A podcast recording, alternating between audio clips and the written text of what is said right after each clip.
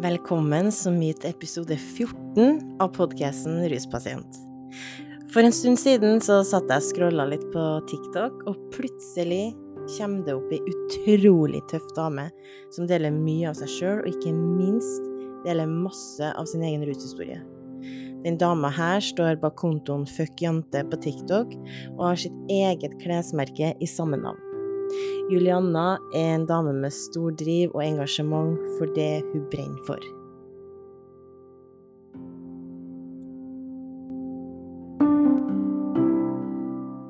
Julianna, velkommen ja. til podkasten.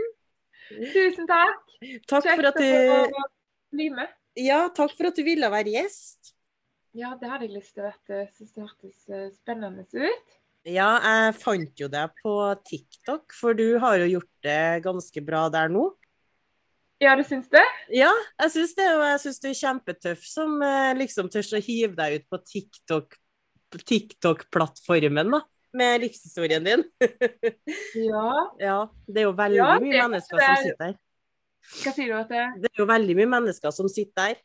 Ja, absolutt. Det er mange mm. som har sett TikTokene mine, og sånt, og det er veldig gøy. Jeg tror ikke jeg tenkte så mye over det når jeg begynte med det, at, at det er så mange som ser det. Men jeg, mm. men jeg uh, føler at jeg har fått så positiv respons, da. Ja. Og, og, til meg så har det vært litt sånn at jeg har jo den historien min som jeg deler, ikke sant. Og jeg har vært så redd. Jeg har vært så mye redd sant? fra jeg ble ja. rusfri til, til, egentlig sånn Det var vel egentlig det året jeg fylte 40, da, så bestemte jeg meg for at nå orker jeg ikke mer. Mm. Da, har jeg liksom jobba, jobba, jobba, jobba, jobba, jobba for å liksom gjøre meg en karriere, og det har jeg virkelig gjort. Mm. Og så går jeg bare rundt og er sliten og redd.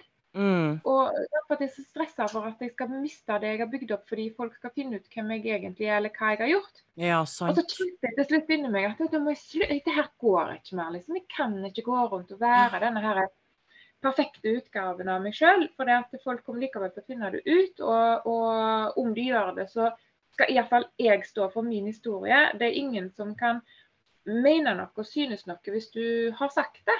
Sant? Dette er mm. historien min. Sånn er det. Jeg har delt det. Det ligger ute online, liksom. Ja. Og, hvis du lurer på noe, så kan du gå faktisk der og se og høre det, eller spørre meg sjøl, istedenfor at det blir den der summetonen som du bare føler på deg når du vet ja. at folk snakker om deg. Ja. Mm. Jeg skjønner. Men ja, for du har jo også slitt med rus? Ja. Har du, har du lyst til å fortelle litt om rushistorien? Også når starta det, og har du noen mening om hvorfor du starta, og ja, hva som skjedde egentlig? Ja, hvis jeg kan dele litt. Eh, jeg begynte jo å ruse meg ganske tidlig, i 14-årsalderen. Mm. Jeg, jeg, føler liksom at det, grunn og grunn Jeg har ikke så mange sånne grunner egentlig. For at jeg, jeg kommer fra en kjempebra familie. Mm. Jeg eh, har ressurssterke foreldre, alle søsknene mine er velutdanna. Og liksom jeg har aldri mangla noen ting eh, i livet mitt. Mm. Tvert imot. Jeg har fått alt jeg trenger, og vel så det. Og, og, og, på en måte alltid hatt støtte hjemmefra for at jeg skal klare meg. Men, men òg på en måte hatt et press om at jeg skal prestere. sant? Ja. Um, du skal prestere, prestere, prestere. Og, og, det tror jeg jeg kjente veldig mye på. Det derre Hva vil du? Du må tenke på at du skal utdanne deg, du må mm. sant, spille fiolin, yeah. øve hver dag, være på orkester, gjøre leksene dine, være flink på skolen. Hva vil du utdanne deg til? Når skal du tenke på det? Dette må du, dette må du, dette må være flinke, må se bra ut. må, sant? Det var veldig mm. mye sånne krav til å være skikkelige. Og ja. det er òg fordi at foreldrene mine har jobba seg opp i livet og kommet seg dit de har med hardt arbeid, de òg. Eh, så egentlig er det positivt, men så kan det på en måte bli mye av det òg. Og jeg tror nok til meg, da, så, så var det sånn at vi flytta veldig mye òg. Og det gjorde nok at det ble veldig mye sånn brudd i vennekretsen, gjorde at jeg ble veldig usikker. Ja. Og når du konstant skal på en måte inn i nye miljø og finne liksom rytmen med nye venner, bryte av med gamle venner, liksom, skjønner du, så blir du litt sånn hvor, Hvem er jeg, hvor skal jeg være? sant? Og så til slutt så bare eh, Så tror jeg jeg fant eh, liksom på en måte litt sånn eh, det der, I det der litt sånn gi faen-miljøet så ble jeg ei stjerne for at jeg var så flink. Og så, og så, ikke fordi jeg var flink, men fordi at eh, På en måte høres litt dumt ut, da, men mamma de hadde god økonomi og sånne ting. Mm. Sånn at da ble jeg den venninna som alltid hadde penger, som alltid ja. kunne ta tak i røyk, alkohol og sånne mm. ting. Mm. Og så etter hvert da, så ble det litt sånn at uh, min mor hadde migrene. Og hun brukte ganske sterke medisiner. Mm. Og så var det noen som fant ut dette, så sa, å, ja, men kanskje vi bare bytter det, så får, får du røyke meg, og så får jeg medisiner av deg. Og så tenkte jeg mm. bare ja, det går jo sikkert bra. Mm. Men etter hvert så begynte jeg å lure på hvorfor, liksom. Skjønte jo det at det var noe med disse her tablettene som var spennende. Ja. Og så prøvde vi, og så likte jeg det. Og så ja. starta jeg, liksom. Så, så jeg starta veldig tidlig, og da, og da, var det så godt, for da bare kjente jeg at jeg slapp det av. Ja. Liksom. Da, mm. da, da, hadde det ingenting å si lenger. Eh, og da følte jeg meg bare liksom så snill og rolig, og liksom akkurat så da takla jeg det. Mm. Skjønner akkurat og, og, og, hva du mener. Ja, helt snedig. Og husker mm. liksom, jeg har jo alltid vært veldig åpen med mamma. Og og det er jo nesten så jeg ikke skal si det, vet du, men hun ga meg jo tabletter etter hvert som hun skjønte at jeg brukte det. For jeg tok jo overdose så tidlig, allerede mm. i, i, på ungdomsskolen. Ja. Og, og, hun pleide jo å gi det til meg, for jeg liksom bare Ja, men da føler jeg meg så mye bedre, liksom. Hun skjønte ikke det der med avhengighet. Nei. Så hun gjorde det for å være snill. Ja. Men hun skjønte jo ikke at det på en måte bare fôra avhengigheten min. sant? Mm. Men det har liksom vært en sånn greie. Sant? At hun, mm. hun, har tenkt at ja, ja, men da føler hun seg litt bedre, og så jeg snill mamma. Mm.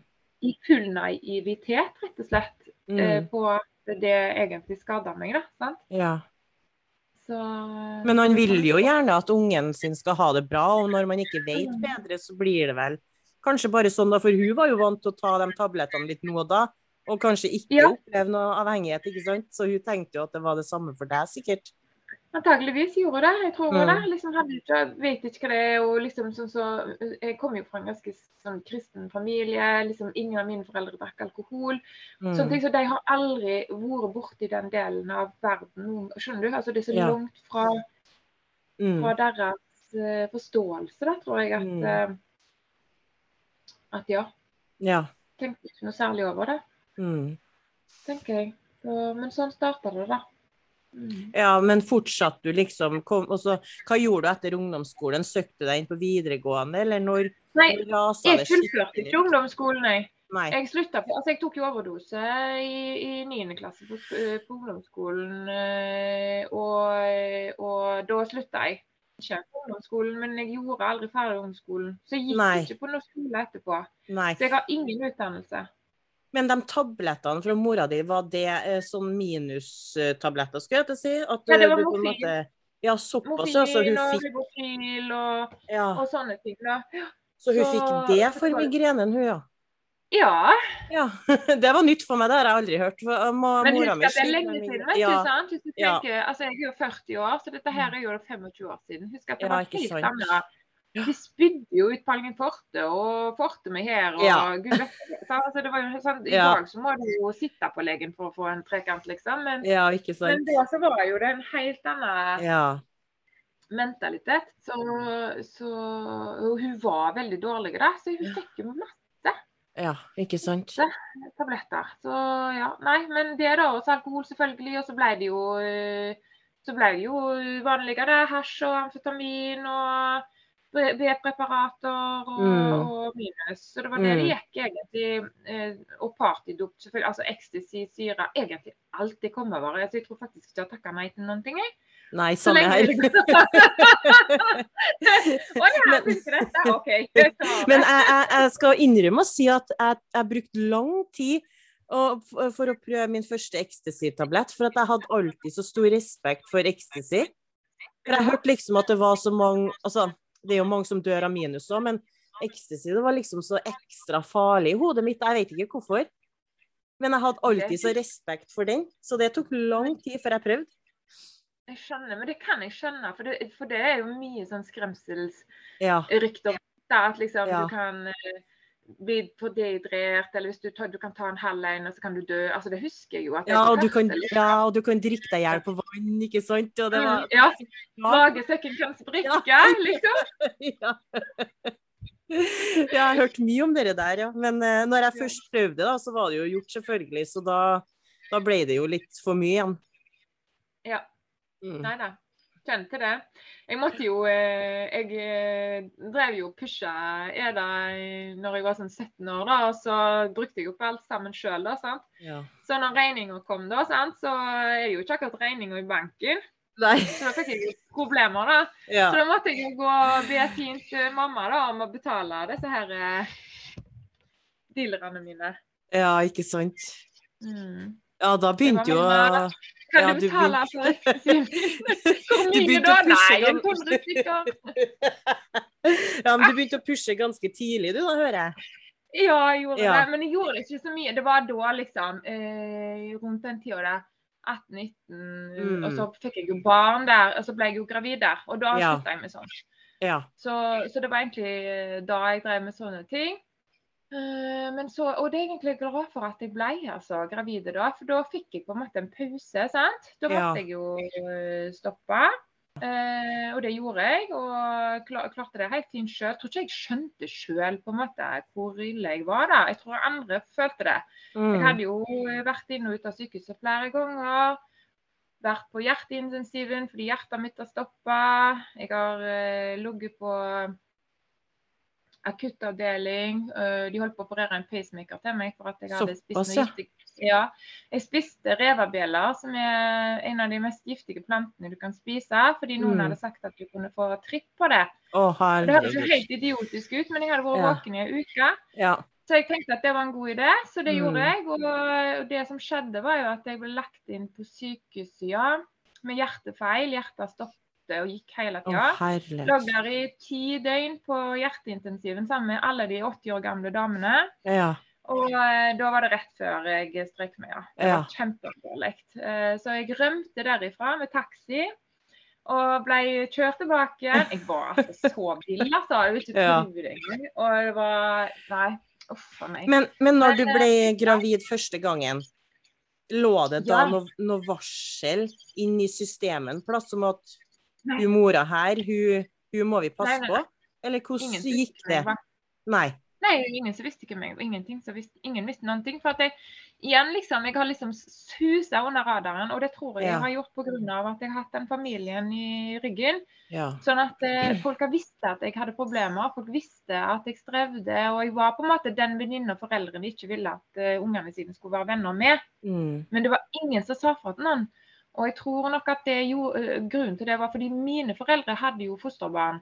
Så Mm. De jobba jo i kommunen, de jobba jo med Ja. fosterbarn. Eh, så de hadde så stor rolle i kommunen og i det at jeg tror ikke folk klarte å se at de ikke hadde kontroll på meg. Nei, Så, og det har jeg snakka mye med mine søsken om. Eh, liksom at egentlig så skulle jo jeg egentlig ikke bodd hjemme. sant? Jeg skulle jo Mm. hatt hjelp. Eh, Fordi det har vært mange, mange hendelser som har vist at det har vært nødvendig. Mens istedenfor så var det liksom Må ikke si til noen. Sant? Ja. Og så gjorde jeg ikke det, da. Og så karra jeg meg nå gjennom det, liksom. Og Mm. ja, lurte og løy og fiksa og triksa og sånt. Så, men eh, ja, nei, det gikk nå greit. da. Jeg fikk nå barn. Og, og jeg var jo sammen med en som mor var rusavhengig. Og, og flytta fra han da når sønnen min var ja, var vel nesten et år. For han fortsatte jo å ruse seg, sant? og da var jeg Ja. rusfri. Og, Ja. da, og jeg har alltid vært sånn, jeg har aldri rusa meg i lag med ungene mine. Det er sånn, det gjør jeg ikke. Mm. Eh, og da flytta jeg til Trondheim, for da ville jeg vekk fra Haugesund og det tunge rusmiljøet der. Mm. Eh, og, så, eh, og så Da fikk jeg på en måte en ny start, så da hadde jeg noen veldig gode år. Mm. Um, til jeg var sånn 22-23 ish. Da hadde jeg fått eh, dattera mi, så da hadde jeg fått to barn og, Ja. og gifta meg og, og sånn. Møtte en mann, Mm. gifta meg. Og så begynte jeg å ruse meg sånn litt igjen, sant. Du vet sånn av og til. Det gjør jo Ja. ingenting, bare én gang. Mm. Og så, og så går det veldig fort ifra bare én gang ja, ja. at plutselig så er det hver helg, og så er det mer enn det. Og så, ja. Mm. Så, så deretter, da, sånn kort sagt, så gikk det noen, et par år, og så henta jeg jo barnevernungene mine. Ja, hvordan fikk de hvordan fikk de vite det her, da? Nei? Altså, det som er da, at Jeg jobba jo som stripper, og jeg var jo veldig kjent stripper i Norge. Mm. Jeg eh, var jo med på masse reality, var mye på TV, på nyhetene, fordi at jeg eh, jeg, eh, jeg, hadde et hov, jeg var hovedvitne i en rettssak om stripping var moms eller ikke. Moms oh, ja. eller ikke, kurs eller ikke. Ja. Eh, og da var det masse om dette her. Jeg var på nyhetene, jeg var på TV-program, og så var jeg med i Robinson. Og så eh, jobba jeg på Oslo Nye Teater som stripper, og det ble jo omtalt. Jeg, var, jeg var, hadde artikler i Dagbladet, Se og Hør, Mm. eh, KK, Det Nye. Altså jeg gjorde masse sånn mediegreier. Sånn, Mm. akkurat, akkurat en liten stund der, så liksom ikke sikkert du visste hvem jeg var, men liksom, hvis du var interessert i akkurat det temaet, da, så visste du Mm. definitivt hvem jeg var. Ja. Og så eh, Og nå husker jeg ikke hva vi snakker om. Nå må du hjelpe meg. Det er sånn der er det ofte til meg òg. Ja, for jeg spurte Ja, vet du hva, jeg gjorde det der på livepanel en gang, jeg. Plutselig så var spørsmålet til han barnevernsfyren bort. Og jeg hadde stått og jobba, jeg husker ikke hva jeg jobba om, det var så ekkelt. Men jeg tror han så det på meg, så han bare henta, henta meg inn. Da. Eller han henta, henta inn situasjonen, og jeg ble så letta. For det var sånn fem sekunder der det var bare sånn poff, liksom. Ja, hun hjernen bare for ut av vinduet. Nei, jeg spurte liksom hvordan barnevernet uh, oppdaga situasjonen Ja. og hvordan ungene ble tatt. Og da var det mange som sendte inn bekymringsmeldinger, da. Ja, ikke sant. Skole, eh, barnehage, bare foreldre som liksom Jeg tror bare liksom Da var det jo veldig mye stigma bare rundt det at jeg var stripper. Og i Mm. begynnelsen så var det ingen som reagerte, for det er ingen som mistet ungene sine for å være stripper. Men jeg hadde Nei. mange anmeldelser da, uten at det ble noe eh, oppfølging av det. Men så kom jo det en eh, advarsel fra legen min. Han eh, skjønte jo at jeg hadde rusproblemer etter hvert, og Ja. om jeg ville ha hjelp. Og så sa jeg nei, jeg klarer meg sjøl. Ja. Og da ringte han barnevernet. Og når okay. den kom, da gikk det ganske fort, altså. Fra den advarselen kom til jeg satt uten ja. ungene. Mm. Men, men hva som skjedde i den prosessen? For jeg, jeg har sånn skrekkscenario sjøl i hodet mitt. Altså, jeg håper ikke at det blir sånn til meg, da. Hvis du skjønner. Og så kom de hjem, da? Og så til deg, og så Nei, bare tok dem, eller? Nei da, du, de gjør ikke det. De er for smarte til det, vet du. Ja. Så, nei, men vet du, jeg hater barnevernet, sorry, altså. Men jeg ser ikke noe positivt i det. Men Mm. øh, dem øh, For jeg skulle sånn ønske at øh, i sted, sant? Jeg sa jo nei til legen min om at jeg trengte hjelp. Sant? Mm. Men det betyr ikke at jeg ikke burde fått spørsmål igjen. Mm. Hvis ikke du får hjelp nå, så kommer det til å få så stor konsekvens at du kan miste ungene dine. Det var det ingen som sa til meg. Nei, ikke sant. Ikke sant. Skjønner du? Jeg Ja. ikke konsekvensen. Nei. Jeg har levd i, nesten i 13 år i rus uten å ha hatt noen konsekvenser av det. Så Ja. jeg forsto ikke at det var en risiko som gjorde at jeg kunne miste noe i livet mitt som var viktig for meg. Men hvis Mm. noen hadde satt i perspektiv til meg, så tror jeg at det, Mm. det var greit nok at jeg hadde rusproblemer da, men i forhold til hvordan jeg var som 18-19-åring, så var det Mm. ingenting. Skjønner du? Mm. Jeg hadde full kontroll ennå i forhold til det. Ja, jeg festa mye, var mye vekk hjemmefra, men jeg var fortsatt ikke der at jeg måtte ruse meg hver dag. Mm. Hadde jeg problemer? Ja, men det var mer psykisk avhengighet enn enn fysisk avhengighet. Da, sant? Er Ja, ja. Og det er en stor forskjell som fagfolk ikke Ja. skjønner. Ja, Det Det med psykisk det. avhengighet og fysisk. For de, de tror jo at det, det blir fysisk og psykisk med en gang. Men det er det jo ikke. Altså, Mm. Nei, det det tar lang tid å utvikle i hvert fall en fysisk avhengighet. Mm. Mm. Jeg er helt enig. Så, så, så uansett, da. Det som skjedde, var at um, eh, de kalte oss eh, Det som skjedde, var at jeg reiste til Oslo for at jeg hadde en, et oppdrag i Oslo. eh, på Oslo Nye Teater igjen. Jeg skulle gjøre en koreografi for et stykke Ja. som heter Vi menn. Og var nede og gjorde det, og da var jeg så rusa at eh, Jeg husker nesten ikke at jeg var der engang. Altså, Nei, seriøst. Jeg var Ja. på jordet. Ja. Og jeg husker eh, når jeg kom hjem, så var jeg så på nedtur. Sant? Jeg var så sliten. Og så sa Mm. jeg til mamma kan du bare ta ungene en dag til, for jeg må bare sove.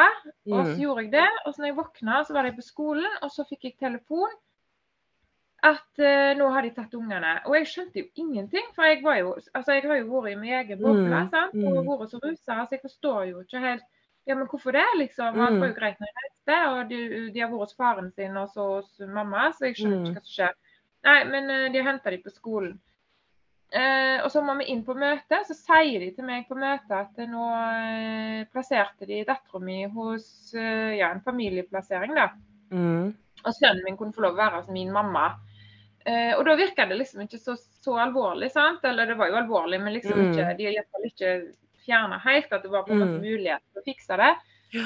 Eh, men at eh, han måtte flytte hjem. For så sa jeg ja, OK. Nei, nei, de tok ikke og henta han ennå. Han var der hos mamma, og jeg, jeg kunne gå hjem og si det sjøl til han at han måtte være hos mormor en stund, ja. og ikke bo hos meg. Og så gikk jeg hjem til han og sa det, og da ble han veldig lei seg. sant? Mm. Jeg husker sønnen min Jeg husker ikke alle detaljene, men uansett, poenget er at eh, barnevernet kom på et sånt akuttbesøk på kvelden. sant? Mm. Men da ble han kjemperedd, for da kom barnevernet. Og, bar og, han hadde jo fått vite at de skulle komme og hente han. Så han ble jo kjempelei seg og grein, og da mm. reagerte de på at han ble så redd når barnevernet kom. Så neste mm. dag så kriseplasserte de han i et mm. beredskapshjem, ikke hos mamma. For da mente de at han var så redd når de kom på besøk. Men nå, barnevernet hadde jo plassert han i den situasjonen sjøl. Skjønner du hva jeg sier? Mm, mm. Kanskje litt utydelig, da. Men uansett, det var veldig mye miskommunikasjon som gjorde at ja. Jeg fortalte ungene mine at eh, nå uh, må mamma hvile seg og, og, ta vare på seg. Altså på en måte bli, skal gå i behandling. Dere er nødt til å bo hos noen andre en stund, så skal, dere skal være hos barnevernet og bo hos mormor. Og så kommer eh, barnevernet på besøk, og så tror de at barnevernet skal ta dem, så de blir redde. sant? Ja. Og så Neste dag så henter de dem fordi de reagerte på ungene sin reaksjon når de var på besøk. Jeg tror at den reaksjonen kommer av det, da. Men selvfølgelig. Jeg er jo ikke Jeg kan jo ikke svare for det. Men jeg tenker, sånn, tenkte, sånn følte jeg det, da. Og så da for de beredskapshjem, og etter det så fikk jeg aldri muligheten igjen. Jeg har ikke sett sønnen min nesten siden det. Nei, ikke sant. Altså, jeg fikk nesten ikke treffe han igjen. og Jeg fikk ikke tilbud om behandling, fikk ikke tilbud om oppfølging. Jeg har fått innvilga at han skal være hos meg en gang i måneden. Jeg har ikke sett han siden han var 13 år, og i dag er han 22 år. Det er helt sjukt. Det er så grovt at uh, jeg vet at hvis jeg hadde gått til rettssak mot barnevernet, så hadde jeg vunnet 150 ja, 150% fordi at jeg var i ankedom uh, i forhold til det der å få ungene tilbake. Sorry, jeg bare sier det, altså, for det er strøy. For å få ungene tilbake. Og da, um, men så fant jeg ut at jeg orker ikke. Jeg får ha den en gang i måneden, for de, var så, de, de, de, de er så mye stygt som blir sagt. Så jeg bare kjente at dette her orker jeg faktisk ikke. Mm. Og så sier jeg bare trekker meg. Så trakk jeg saken, og da eh, gikk de og diskuterte. Så kom de tilbake og sa at nei, de skulle gå til motsak mot meg for tort og svir sønnen min. da. Jaha. Og da sa dommeren at nå tror jeg det er bra. Nå ja. anbefaler jeg dere på det sterkeste at dere lar mora være i fred, og at dere følger opp samværene. Hvis ikke så vil hun ha eh, grunnlag til å gå til sak med dere seinere. Og det gjorde og, de ikke? Nei. Og jeg så han aldri igjen. Det er jo helt sånn, forferdelig. Mm, det er det. Men jeg har kontakt med uh, datteren min, da. Ja. For hun har bodd hos faren sin, men uh, han uh, Ja, for jeg ble jo henta sjøl av barnevernet når jeg var tenåring. Mm. Og det var jo ganske traumatisk, og det sier jo selv mora mi. ikke sant? Ja, det er jo hun som har involvert dem pga. at hun skjønte at jeg ikke kunne bo hjemme lenger. Og til og mm. med hun sitter igjen med en traumatisk opplevelse av det og, mm. og, og, broren min, da. Lillebroren min. Ja. Så det, det, eh, Nei, ja, de gjør ting på en litt spesiell måte, ja. Men jeg har alltid lurt på, for jeg har jo ganske mye venner og folk som har deltatt på podkasten som har slitt med barnevernet. Jeg har alltid mm. lurt på hvorfor er det så lite samvær som blir gitt når ungen blir tatt ifra hjemmet? Jeg, vet, jeg altså, skjønner ikke. Og jeg har jo vært rusfri. Jeg, fikk, altså, jeg har jo fått nytt barn. Jeg har vært rusfri Eh, eh, altså to, to og et halvt år, altså ca. tre år, la oss si tre år da, som 100 sikker, siden, han ble fra, altså siden ungene mine ble fratatt meg, så jeg bor rusfri. Ja. Og jeg har ikke sett dem i det hele tatt, og jeg har hatt et annet barn i mitt hjem 100% Ja, ikke sant? Så jeg kan være mamma til én unge, men ikke den andre. Mm. Det er jo helt meningsløst. Ja, det er jo Nei, det henger så fordi, ikke sammen. Så, liksom forklaring, så hva er forklaringen? Det er ja, fordi at de har forskjellige fedre som blir behandla på forskjellige måter. Det er helt merkelig. Ja. Fordi det, hvert, hvert, barn har øh, øh, forskjellig sak. Sånn at uh, jeg kan ikke sammenligne min sønns situasjon med min datters situasjon, for det er to forskjellige fedre. Derfor er det to forskjellige individuelle saker. Og derfor er det to forskjellige behov Mm. Så det er helt For meg så er jeg bare jevning med med mora. Mm. Men det har ingenting å si. Ja, fordi at jeg, jeg, mener liksom sånn at øh, For jeg har jo, jeg er utdanna barnevernspedagog sjøl, men jeg er jo på en måte veldig imot mitt eget system, hvis du skjønner. For at jeg, jeg føler at de liksom går rett inn på omsorgsovertakelse veldig mange mm. ganger. Men så mm. føler jeg sjøl, når man sitter på skolebenken og lærer at det skal være det siste som skjer. Alle ja, andre tiltak skal inn først, men jeg, jeg føler ikke at det er sånn.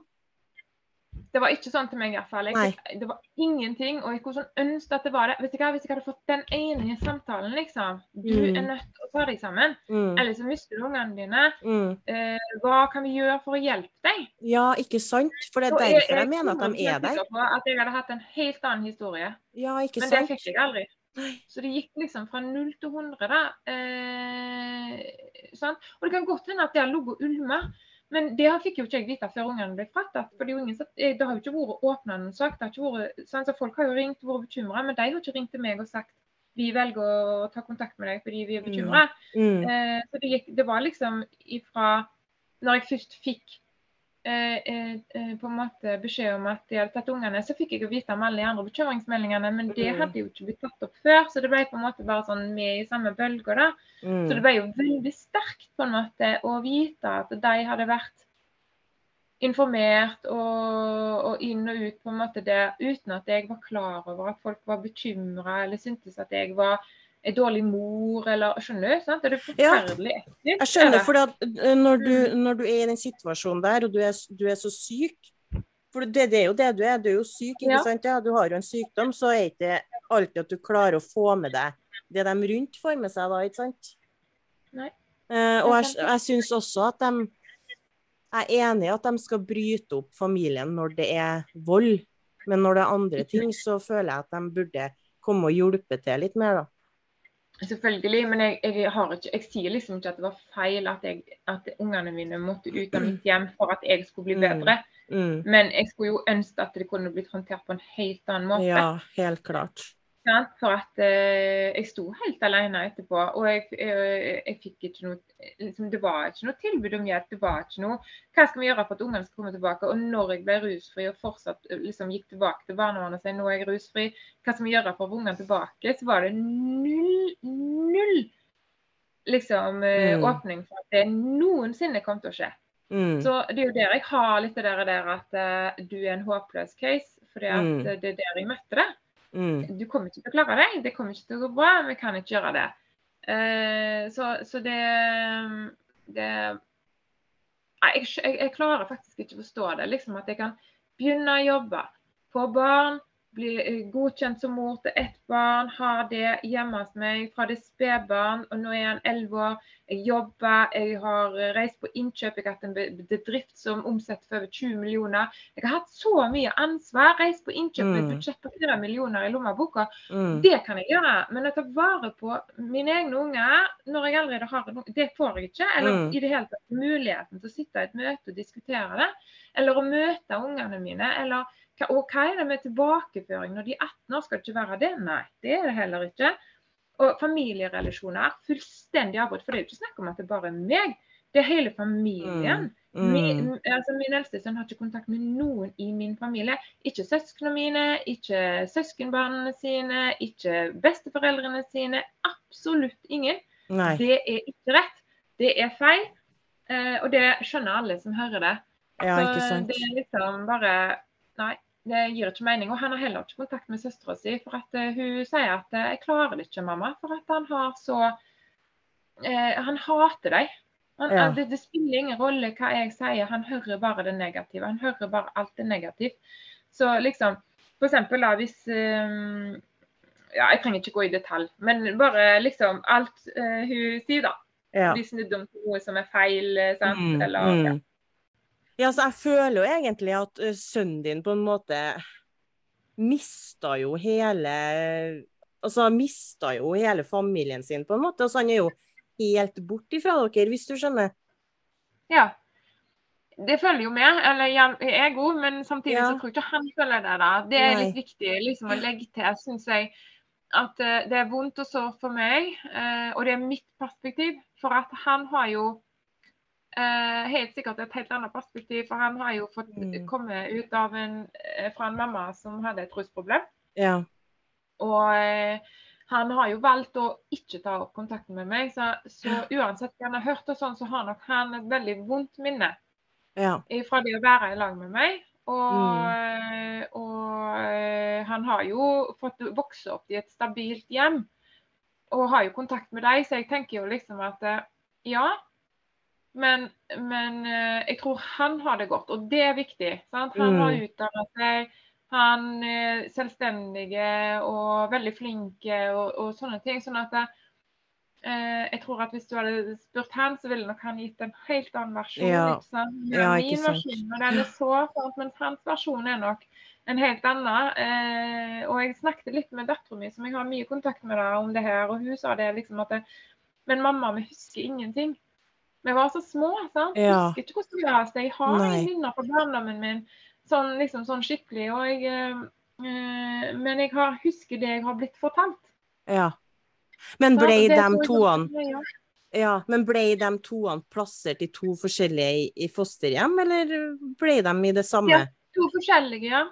Mm. Ja, det òg er jo litt dumt. Det er veldig dumt. De Ja. har ikke møtt hverandre, de heller. Det var ingen samvær mellom de heller. Og det er jo eh, litt av det som, eh, som jeg kan fortelle litt, som jeg synes er sånn det vondeste såret jeg har hatt som, som, som, i forhold til ungene mine, er jo Barnevernet tok jo mine barn fra meg fra jeg var rusmisbruker, og så tok de de fra hverandre. Mm. Og så er det sånn at min datter som jeg har kontakt med, som var yngst, har jo savna broren sin sånn. Ja. Og lengta sånn. Og bare Men hvorfor vil han ikke møte meg? Jeg skjønner det ikke, mamma. Nei. Og så har jeg fått et barn til som også ser opp til en storebror som man aldri ser, og til, Mm. sto- storesøster som man ser lite. Og bare Men mamma, hvorfor vil de ikke være sammen med meg?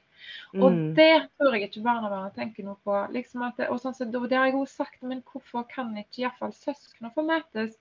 Jeg Mm. trenger ikke være med engang, men liksom, la nå iallfall de få ha eh, en relasjon. De er jo søsken.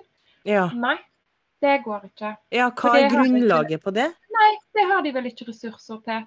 For da må jo det finnes et besøkshjem og bla, bla, bla. bla, bla. For fosterhjemmet vil jo ikke ha ansvaret for det, for det er jo ekstra, eh, ekstra, ekstra jobbing. ikke sant? Sånn Mm. at, og det er så vondt. Og det eh, som eh, jeg ser i han som er hos meg nå, da, som er yngst, han har jo veldig eh, eh, sånn lav selvtillit på en måte. For at uh, han forstår ikke hvorfor ikke noen i familien hans Hvorfor vil de ikke være med meg?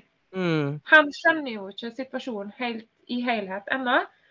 Og det har vært kjempevanskelig å forklare. liksom, Ja, men mamma sant, hun har vært syk, hun har vært rusmisbruker, derfor fikk ikke de bo med meg. Eh, og, men hvorfor vil de ikke møte meg? Jeg har jo ikke noe svar. Skal, hva skal jeg si? Mm. Jeg vet ikke. Mm. Svaret er det. Jeg vet faktisk ikke. Eh, jeg håper du får muligheten til å ordne det når du er voksen. Kanskje dere kan ha kontakten da. Mm. Men jeg, jeg har ikke noe svar, og det er faktisk ganske sånn Det syns jeg er kritikkverdig, liksom. At uh, de kan nå iallfall ordne det. For det er liksom hvor, hvor stor dominoeffekt det faktisk har, da. Mm. Ja? Ikke sant? Og jeg vet jo at de gjør det i andre saker. At de eh, fokuserer på å holde søsknene sammen. Så det er jo veldig merkelig at de kommer med den begrunnelsen til deg. Ja, men jeg, jeg føler at i min sak så syns jeg at jeg syns at alt har vært feil, på en måte. Mm. Jeg kan ikke si at jeg har opplevd noe som har vært positivt. Mm. Så jeg eh, sier det. Jeg hater barnevernet. Jeg, jeg har aldri Jeg har ikke opplevd noe positivt med dem. Mm. Jeg har ikke opplevd eh, å bli behandla som, som menneske eller med en person med, med mulighet for å gjøre opp igjen for meg. Og liksom uansett hva forslagen kommer med eller prøver på eller ønsker, så er det avvist. Mm. Igjen og igjen og igjen. og igjen. Altså Det er liksom sånn Nei. Mm. Og, og liksom jeg bodde jo ikke så langt vekk fra han eh, eldstegutten min, jeg faktisk. Og, og gikk jo litt sånn tur og sånn. det er- Fordi at det er noe som heter Ladestien der i Trondheim. sant? Ja. Og det er ikke så langt unna eh, skolen som han gikk. Og så skulle jeg opp på butikken, så da gikk jeg forbi der. Og det var helt tilfeldig, altså. Men da møtte jeg han tilfeldigvis en gang, og så hilste jeg på han. Og da fikk jeg telefon fra barnevernet og fikk beskjed om at jeg måtte slutte å oppsøke han i privat, på, på fritida. Og jeg bare men, men jeg gjør jo ikke det. Jeg var ute på tur. Vet du, jeg bor liksom to kilometer unna. Nå må ikke Mm. slutte, liksom. Men det Mm. fikk jeg, altså, konstant kritikk, liksom. Og sånn, han skal skjermes, han skal skjermes, han skal skjermes. Og, ja, Mm. men, jeg, men jeg gjør jo det dere sier hele tida, liksom. Eh, så nei, veldig, veldig rart, egentlig. Ja, så det er jo ikke noe menneskeverd til deg oppi alt det her. De tenker jo ingenting på deg som mor. Nei. Det er tror I min sak så har det aldri vært, eh, aldri vært et spørsmål om tilbakeføring. Det har, Mm. det, det har bare vært liksom skal ikke, De skal ikke hjem. Mm. Ferdig. Men hva tror du sjøl, da? Tror du For at jeg òg har eh, et eh, veldig negativt syn på dem, men jeg føler at jeg alltid møter de verste saksbehandlerne, på en måte. Altså, er det sånn til deg, og tror du du har vært uheldig med saksbehandlerne, eller er det det akkurat det kontoret, eller hva tror du det er? Jeg tror det er saksbehandlerne. Ja. Jeg syns, for jeg har jo kontakt med barnevernet i dag Mm. i forhold til han andre sønnen min, han som er hjemme hos Mm. meg nå. Og jeg Mm. at eh, de unge saksbehandlerne som er nyutdanna De er verst. Nei, de er så mye bedre. Jeg syns de er verste. Hva syns du det? Jeg syns de er så mye flinkere. Det syns jeg. Jeg har mye mer Mm. positivt inntrykk Mm. av dem enn de jeg møter møtte eh, tilbake i tida. Ja. Eh, så jeg føler at jeg får mye mer eh, Blir møtt mer med mulighet for å for løsninger, da. Ja. Eh, og forklare meg og, og sånne ting. Mens, eh, mens før så har ikke det vært aktuelt. det. Mm. Så jeg Mm. har har bedre inntrykk nå, men jeg er veldig skjør, altså. Jeg Mm. kjenner liksom Stoler ikke på det i det hele tatt. Mm. Og blir veldig redd, altså. Med en gang liksom det er snakk om noe som heter barne- og familietjenesten, så blir jeg redde. redd. Og det, Mm. det er jo dumt, sant? fordi at det, de har jo faktisk kjempemasse gode tiltak som kan hjelpe deg i en familie som trenger støtte. Mm. Eh, men så blir man så redd at man tør ikke å spørre om hjelp, sant? for at man har opplevd så mye vondt. Og det er jo feil. for det, Mm. det støtteapparatet som egentlig kan hjelpe såre familier, da, det blir en, det blir en redselsplass. Mm. sånn? Det er Sånn mange som sier det. hjelp, og så Ja. detter kanskje folk utenfor likevel, da, for de turte Mm. aldri å spørre om hjelp mens de ennå hadde muligheten til å fikse det. Mm. Eh, fordi man har hørt så mye eller opplevd mye feil. og Mm. så eh, det er en lang vei igjen å gå før barnevernet er der at de faktisk hjelper familier. Mm. For jeg tror at uansett, liksom, eh, så ønsker jo ungene å være med mamma og pappa. Ja, Og så lenge mamma og selvfølgelig. pappa ja, kan på en måte få hjelp og bli bra og være gode foreldre, Ja. så, så, så må nå det være målet i enhver situasjon, tenker Ikke jeg. sant. Ja, for du fikk jo eh, en, et tredje barn, Mm. og da var du under LAR, da? Eller hvordan var det? Ja. Da var jeg glad. Så, så jeg begynte jo i LAR og, og ble gravid ganske kort tid etterpå. Det var jo ikke planlagt, altså. Det var nå bare plutselig så var jeg jo gravid. Jeg vet jo bare ja da. Det Ja, passer jo. ja, og for nå er jeg litt spent, for jeg, er, jeg er jo i den situasjonen nå, gravid i LAR. Så Ja. hvordan gikk din historie til der? Og så hva, hvordan reagerte LAR, og hva ble påkobla, og hvordan syns du hele sulamitten var? Faktisk så var det sånn at jeg var jo ennå under LAS, før jeg, for jeg gikk jo i LAS før jeg Ja. gikk inn i LAS. Ja. ja. Så jeg var ennå på LAS da, eh, for jeg hadde fått plass i august, eh, eller i alle fall fått plass i LAR på høsten. Og var i LAS, og ble, det første som skjedde var at jeg ble kjemperedd. For det første Mm. så ble jeg redd for at jeg skulle bli lagt inn på tvang. Jeg, Mm. fordi at eh, så, det var så kort tid siden jeg ble rusfri. Mm. Eh, For det vet jeg at jeg klarer ikke å være innelåst. Det var derfor også at jeg ville ha, liksom fikk LAR, var en av grunnene til det. Um, og, så, var jeg redd for om jeg fikk beholde ungen. Og det var liksom de to tingene som jeg var veldig bekymra for. Og så fikk jeg på en måte beskjed at siden jeg hadde rene rusprøver, så fikk jeg på en måte være Altså slapp å bli lagt inn, da. Ja. Og så eh, startet på en måte oppfølginga, da. Og da var det ei sånn spesial eh, eh, som var spesialist for kvinner i LAR ja. fra St. Olav, som fulgte opp. Og hun var fantastisk flinke. Mm. Eh, og, hun, og det liksom sammen med Altså det ble laga et sånt team, da. Mm. Eh, Et oppfølgingsteam med lege, LAR eh, og jordmor som fulgte opp. Og det var ganske tette møter, tette, hyppige urinprøver. Mm. Eh, ekstra oppfølging på en måte på sånne eh, vanlige kontrolltimer og sånne ting, og sjekke at ungen utvikler seg og sånn. Og så ble det jo Mm. laga en nedtrappingsplan da, Mm. på eh, Subutex, for da bytta en jo fra Subuxone til Subtex. Ja. Fordi at de mente at eh, ja, det er noe i liksom, Nalaksonen skal ikke ungene ha. da. ja, OK. Ja. Ja, det er nalakson i subuksjonen som ikke er bra for, Mm. for gravide. ja, sånn er ikke nå lenger, for jeg går jo på Subuxone. OK, ja. Nei, jeg måtte Ja. bytte den gangen. Ja. Men Ja. eh, det har sikkert ingenting å si. Nei, da har de sikkert lært noe nytt, av, vet du. Mm. Og så, og så, eh, så det gjorde jeg. da, så Jeg hadde noen nedtrappingsplan som jeg også fulgte opp. Så jeg prøvde liksom å trappe ned så mye jeg klarte uten at jeg følte russug. da. Mm. Eh, Så jeg var vel nede på to milligram eh, siste måneden, tror jeg. Før- Uff, ja, det er lite.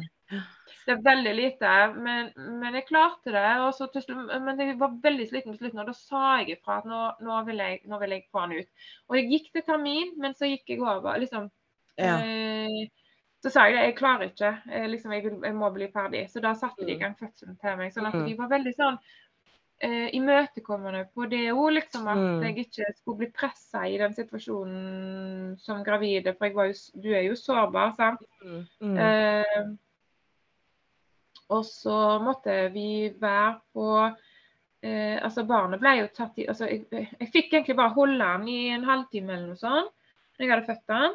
Og så Mm. ble han kjørt ned på intensiven da, for overvåking, for de sjekker om de får abstinenser og sånne ting. Mm. Um, og det hadde han, min, Mitt barn hadde ingen sånn eh, respons på det. Men vi lå Så merkelig. på Ja, men de hadde jo så lav dose. Ja, men det er sånn eh, Jeg snakka med han eh, LAR-behandleren min, og de finner liksom ikke ut hvorfor noen blir født abstinent og ikke. For jeg er jo på fire nå, og jeg var jo Ja. på 20. Jeg har jo trappa Ja. meg ned veldig, men de sier fortsatt at det er um, stor sjanse Mulig, for at Ja. Ja, det er det. Jeg syns det er så merkelig jeg at det er noen som går i behandling som bare får 4 milligram, vet du. Ja. Men jeg syns det er så merkelig. Ja, jeg kunne ønske at de fant ut hvorfor. Altså, Ja. hva, hva, hva er det som gjør at noen blir født frisk, og noen blir født abstinent? Altså, hos, Ja, er hva er det som spiller inn? Ja, det er veldig interessant. Ja, det stemmer egentlig. Tenk på det, begynte å tenke på det. Nei, men vi var iallfall på sånn overvåking i ti dager da, på Ja. der. Og da Ja. tror jeg òg det var for å se samspillet mellom meg og far og barnet, da. Ja. Eh, sånn at på en måte bekrefta at liksom, og dette går bra. Eh, sykehuset kunne bekrefte at vi hadde god omsorg for barnet, blikkontakt. altså Alle de tingene som vi ser etter i forhold til, Mm. til oppfølging. Og så Mm.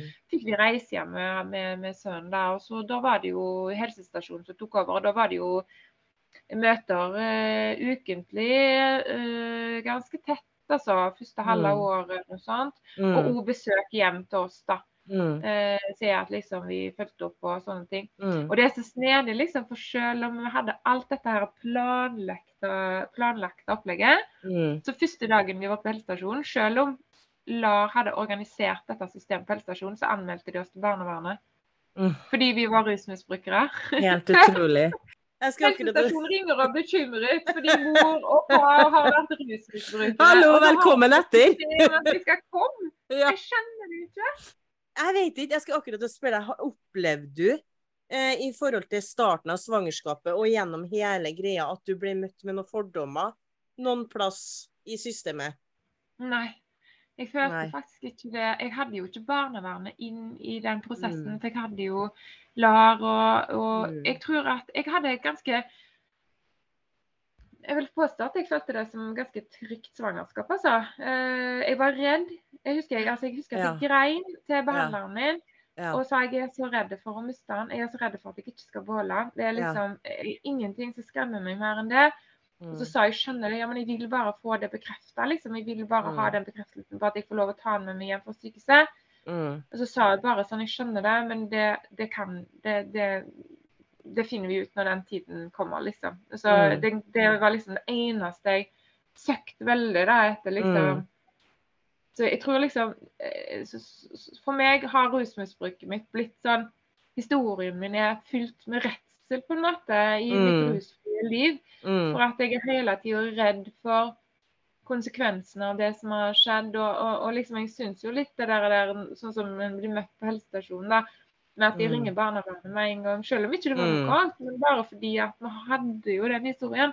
Og det var jo Mm. det første de gjorde på skolen. Og der for første skoledag så, var en, så er det jo sånn at de førsteklassene er inne til helsesøster og sånne ting. Mm. Og da er jeg jo så åpen, så jeg prater jo. Ja. Så de ringte jo til barnevernet Ja. og anmeldte meg til barnevernet fordi at jeg hadde vært rusmisbruker før. Men det er jo ikke noe, det jo ikke noe galt med det, de bare gjør det.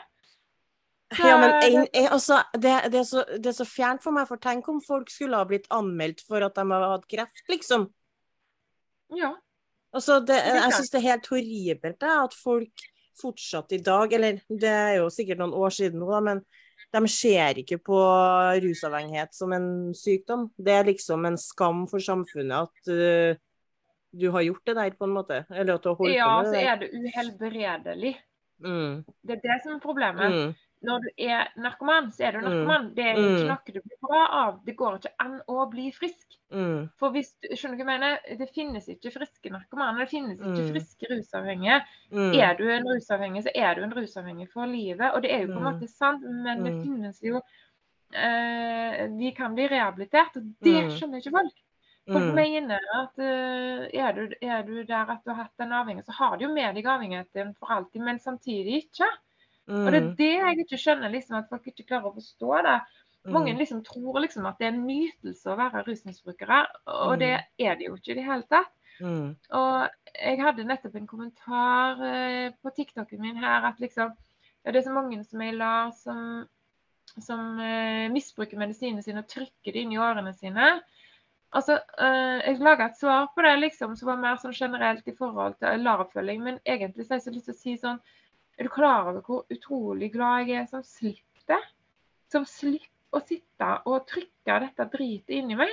Hvor Mm. vondt det er, og hvor jævlig det faktisk er Mm. når du kommer dit at, det liksom, eh, at du er skikkelig ute. Liksom, det er faktisk ingen, ingenting å liksom, Det er ikke godt. Mm. Det er ikke noen som syns at det er gøy. Ja, jeg vet at noen er liksom hekta på nåler, mm. Men, men, men du skjønner hva jeg mener. Mm. Det er ikke sånn at du sitter og Å, fy fader, altså, nå skal jeg sette meg i smell. Eh, det har jeg dødslyst til. Når du er, er rusfri jeg, jeg, jeg klarer liksom ikke Mm. Mm. jeg tror ikke, For meg da, så er det sånn, det skjønner jeg ikke. For at Mm. det, det er vondt, liksom. Det er Mm. vondt, syns jeg, da. Mm. Um, det er jo godt å ruse seg, men du skjønner hva jeg mener. Når, når armen, yeah. altså, alt er ødelagt, det er så vondt, du sår og alt, liksom. sånn. Og så tror folk at det er liksom noe folk liksom, å, har kjempelyst til det. Jeg tenker at de som fortsatt gjør det, de Mm. har ikke blitt rehabiliterte. De er ikke friske. Nei. De trenger fortsatt hjelp. Og selvfølgelig finnes den gruppa òg. Mm. Og det er jo derfor du er kontinuerlig inn i et system som skal Mm. følge opp deg. Mm. de skal fange deg opp. Og noen fanger de Mm. opp med en gang, noen tar det lengre tid med. Mm. Andre trenger kanskje andre typer hjelpemidler for å bli rusfri. Nå Mm. kommer det jo eksperimentering på heroinbehandling i Bergen og Oslo. Mm. Jeg så det. Jo, Ja, jeg så jeg det. det er så bra at man kan Mm. tenke, eh, tenke eh, ja, tenk at liksom det handler om verdighet, liksom. Ja, det om det gjør det. At, eh, ja. Og at folk skal få slippe å sitte på gata dag ut og dag Mm. inn og på en måte tigge om penger, da. Ikke sant? Ja. Men, men det er jo den, den gråsonen at Altså, hvordan blir det prosjektet der, nå? For jeg leste nettopp om det i Oslo. Mm. Og det blir jo sånn at de får en dose med heroin på morgenen, og så en dose med heroin på ettermiddagen. Men Mm. ruspersonligheten vil jo kanskje tenke at OK, men da kan jeg jo bare sitte og tigge litt, da, og så får jeg en ekstra dose. Hvis du Mm. skjønner hva jeg mener? At man får Ja. to gratis, og så det Mm. man får eh, på gata, blir pluss, da. Ja, jeg skjønner det, men da tenker jeg at uh, det blir jo nesten det samme som de sier Laro, da. At uh, du kan jo Mm. trykke dosen din nå. Skjønner Mm. du? Mm. Sånn, det er liksom sånn, hva vil du da? Mm, ja, ikke sant. Så jeg håper at det er mer, mer i det programmet da, enn å bare få de fristmeldingene. friskmeldingene. da. Ja, for vi trenger jo uh, litt mer oppfølging enn en bare det, skulle jeg til å si. Selvfølgelig. Det må jo være rehabilitering i tillegg, Ja, tenker jeg. Ja, ikke Det sant. eh, må nesten være et krav. Ja. Mm, eh, føler jeg da, for at du blir ikke Mm. frisk bare av å få den friskmeldinga. Som du sier, du trenger jo Mm. eh, å jobbe med grunnen til at du ruser deg òg. mm, For å ja, for å bearbeide ting, da, tenker jeg. Mm. mm. Ja, men Det var veldig fint å høre at du hadde en bra opplevelse med LAR og det å bli gravid, for at det har ikke jeg hatt i hele tatt. Jeg har møtt så mye fordommer. Og det er bare sånn en av, en av, de første tingene som helsestasjonen sa, da, var at de hadde et system som uh, var basert på at de ikke kunne gi oss tillit. Hæ? Ja. Så det at uh, jeg hadde flytta en, blod, eller, en blodprøve i samarbeid med fastlegen min, så han hadde gitt beskjed, men de hadde ikke funnet den beskjeden, så de trodde at jeg hadde lurt meg unna en blodprøve. da. Og det syns jeg også er merkelig, for jeg har aldri hatt problemer med alkohol. Det er jo morfin og sprøyter som er problemet mitt. Mm. Men de skal sitte og teste meg for om jeg drikker alkohol, og da stikker de jo sprøyter i meg. Og de har ofte bomma og laga blåmerker på meg, punktert åra mi. Og tenker sånn, er ikke det litt ekstra trigger til meg å teste meg for et stoff som jeg ikke går på, men så trigger jo. dere meg på det jeg går på? Eller ønsker at jeg har gått på, hvis du skjønner? Ja. Mm. Men det var jo veldig rart. Holder det ikke å ta urinprøve? Nei, og det som er så snodig òg, er jo at jeg, jeg, har jo levert rene urinprøver i nesten fire år til LAR nå. Aldri hatt en eneste sprekk. Men når jeg da ble gravid, så er det ikke lenger Sånn som det var til deg, at de kobler inn sykehuset. De kobler inn sykehuset, men nå kobler de også noen ting som heter for ressursteam inn. Som har sin egen jordmor og en hovedkontakt, og så en kontakt til, og dem er i BFT. Og de sitter og legger på mer prøver når du kommer. For de har null tillit, så de slenger på deg mer urinprøver, flere PET-prøver, og de har null tillit, da. Og hver gang jeg har snakka med dem, uansett hva det har gjaldt Sist fikk jeg en telefonsamtale her nå fra jordmor som spurte om jeg skulle bytte fra helsestasjonen på Falkenborg ned til sentrum, så det ikke ble så langt for meg å dra. Og da sa jeg ja, vi kan jo snakke om det etter jeg kommer fra ferie. Så sa jeg jeg har aldri snakka med det mennesket før. Så sa å, skal du på ferie? Ja, men hvordan blir det med alkohol og sånn da? Det er bare sånn, Tror de virkelig at alle sammen som ruser seg, har et problem med alkohol? Jeg fikk så lyst til å spørre, men, men jeg, jeg, stopper meg sjøl, for jeg kjenner jeg koker over. Så jeg må bare stoppe meg sjøl. For jeg, jeg, tenker sånn Hvordan er det de tenker? Det er helt uh, Jeg blir helt sånn Ja, du, man blir satt ut. Jeg vet ikke hva jeg skal si, faktisk. Nei. For jeg blir helt matt, altså. Men det er sant, det. Ja, og det, det har jeg sagt til Lara òg, at det er bare For min del, da, så har det bare vært tull med ressursteam. Jeg hadde ikke trengt den gruppa, for det har vært mer stress for meg å møte dem enn at jeg bare kunne holdt meg til sykehuset og LAR og psykologen min, for dem har jeg jo. De gir meg faktisk tillit, da. Ikke, ikke, sykehuset så veldig mye, for de har gitt meg en del fordommer, dem òg, men det er bedre å forholde seg til en trygg, liten gruppe så lenge det går bra, enn å koble på flere instanser bare for syns skyld.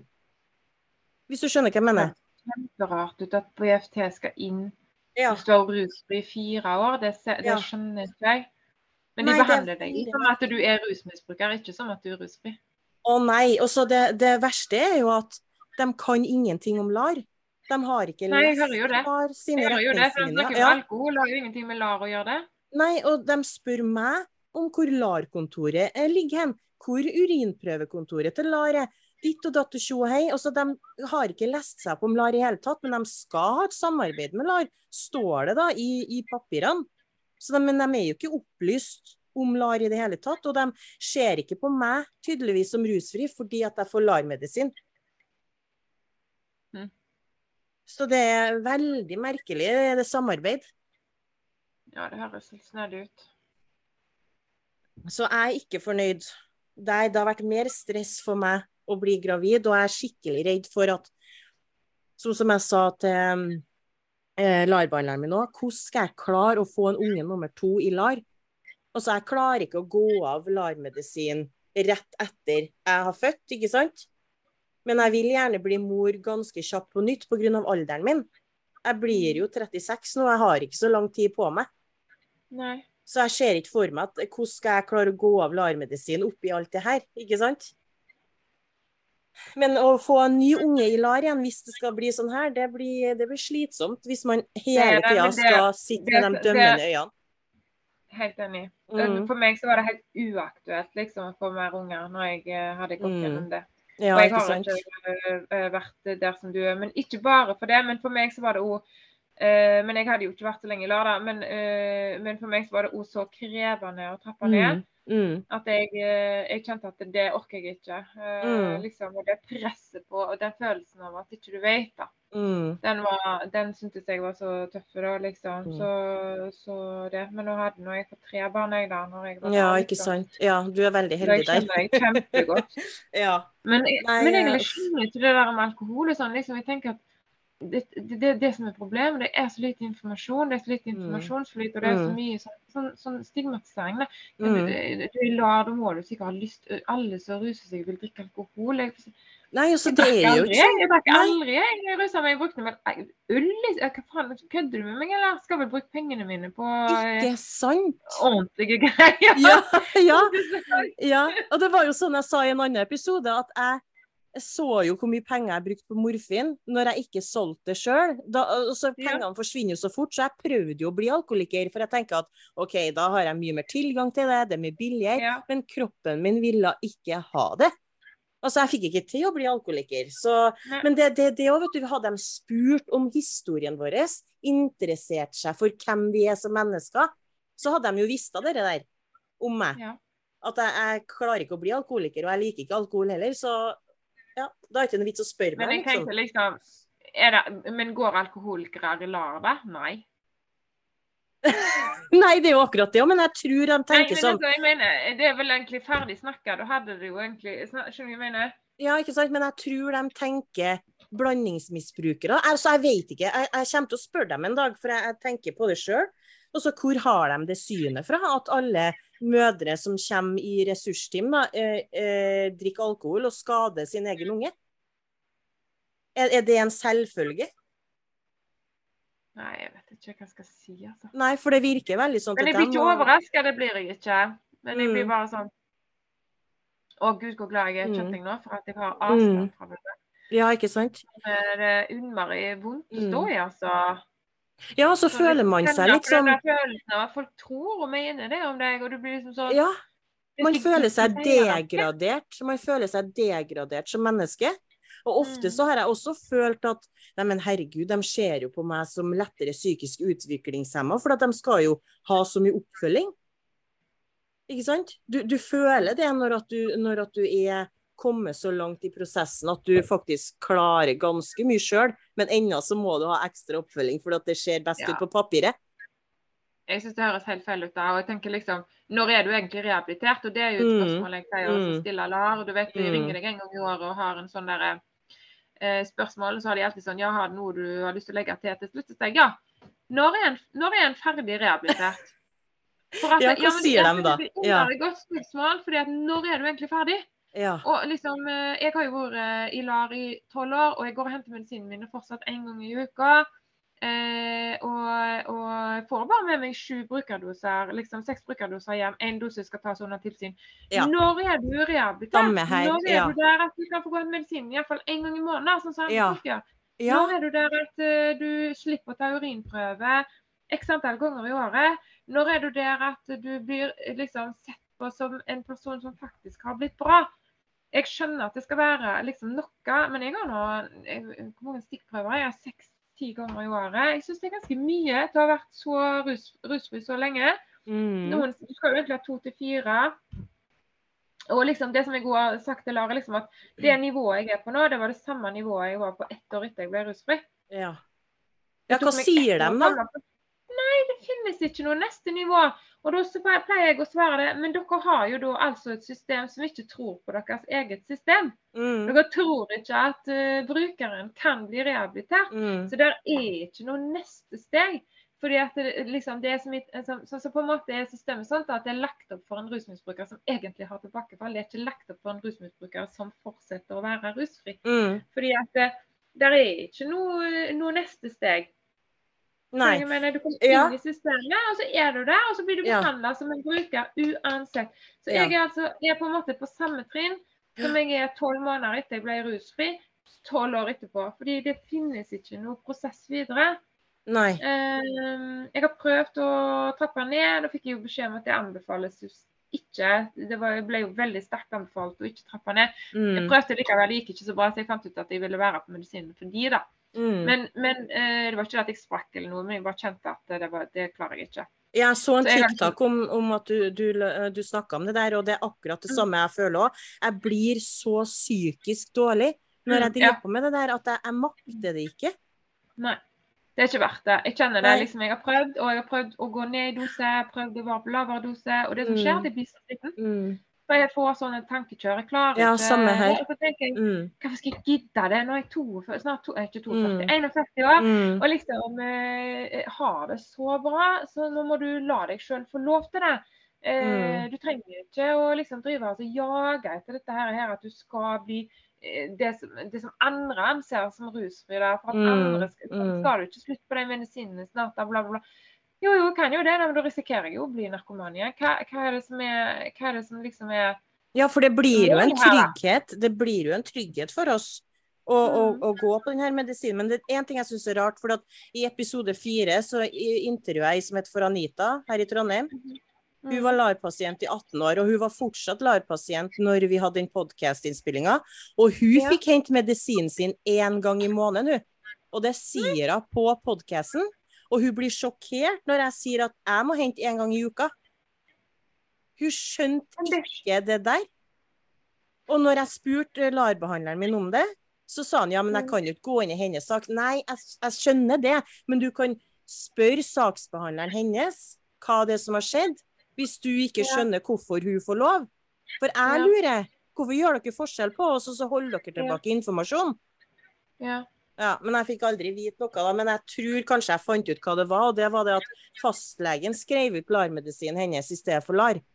Og fastlegen ga hun Kan bestemme andre ting. Ja, en gang i måneden. Ja.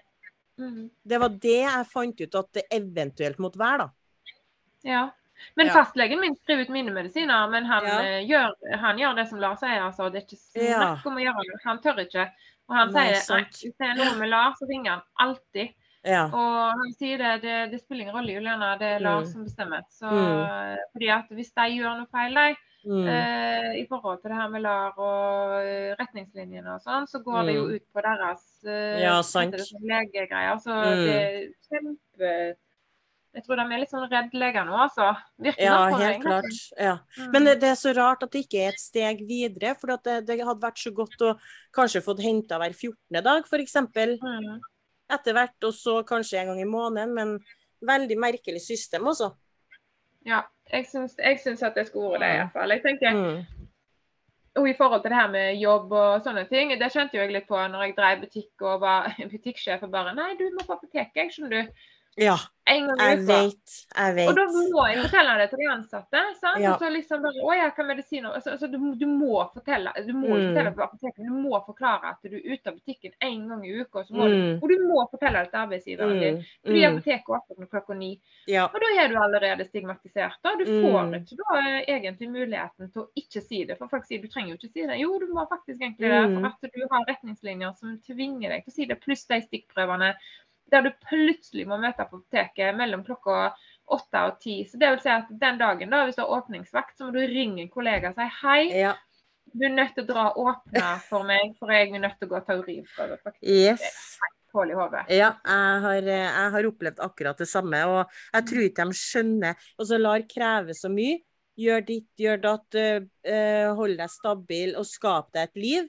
Men samtidig så skal de ha Altså, det, det skal være så vanskelig da, å holde tilbake alt av informasjon til arbeidsgiver, sånn at man ikke opplever stigma, da.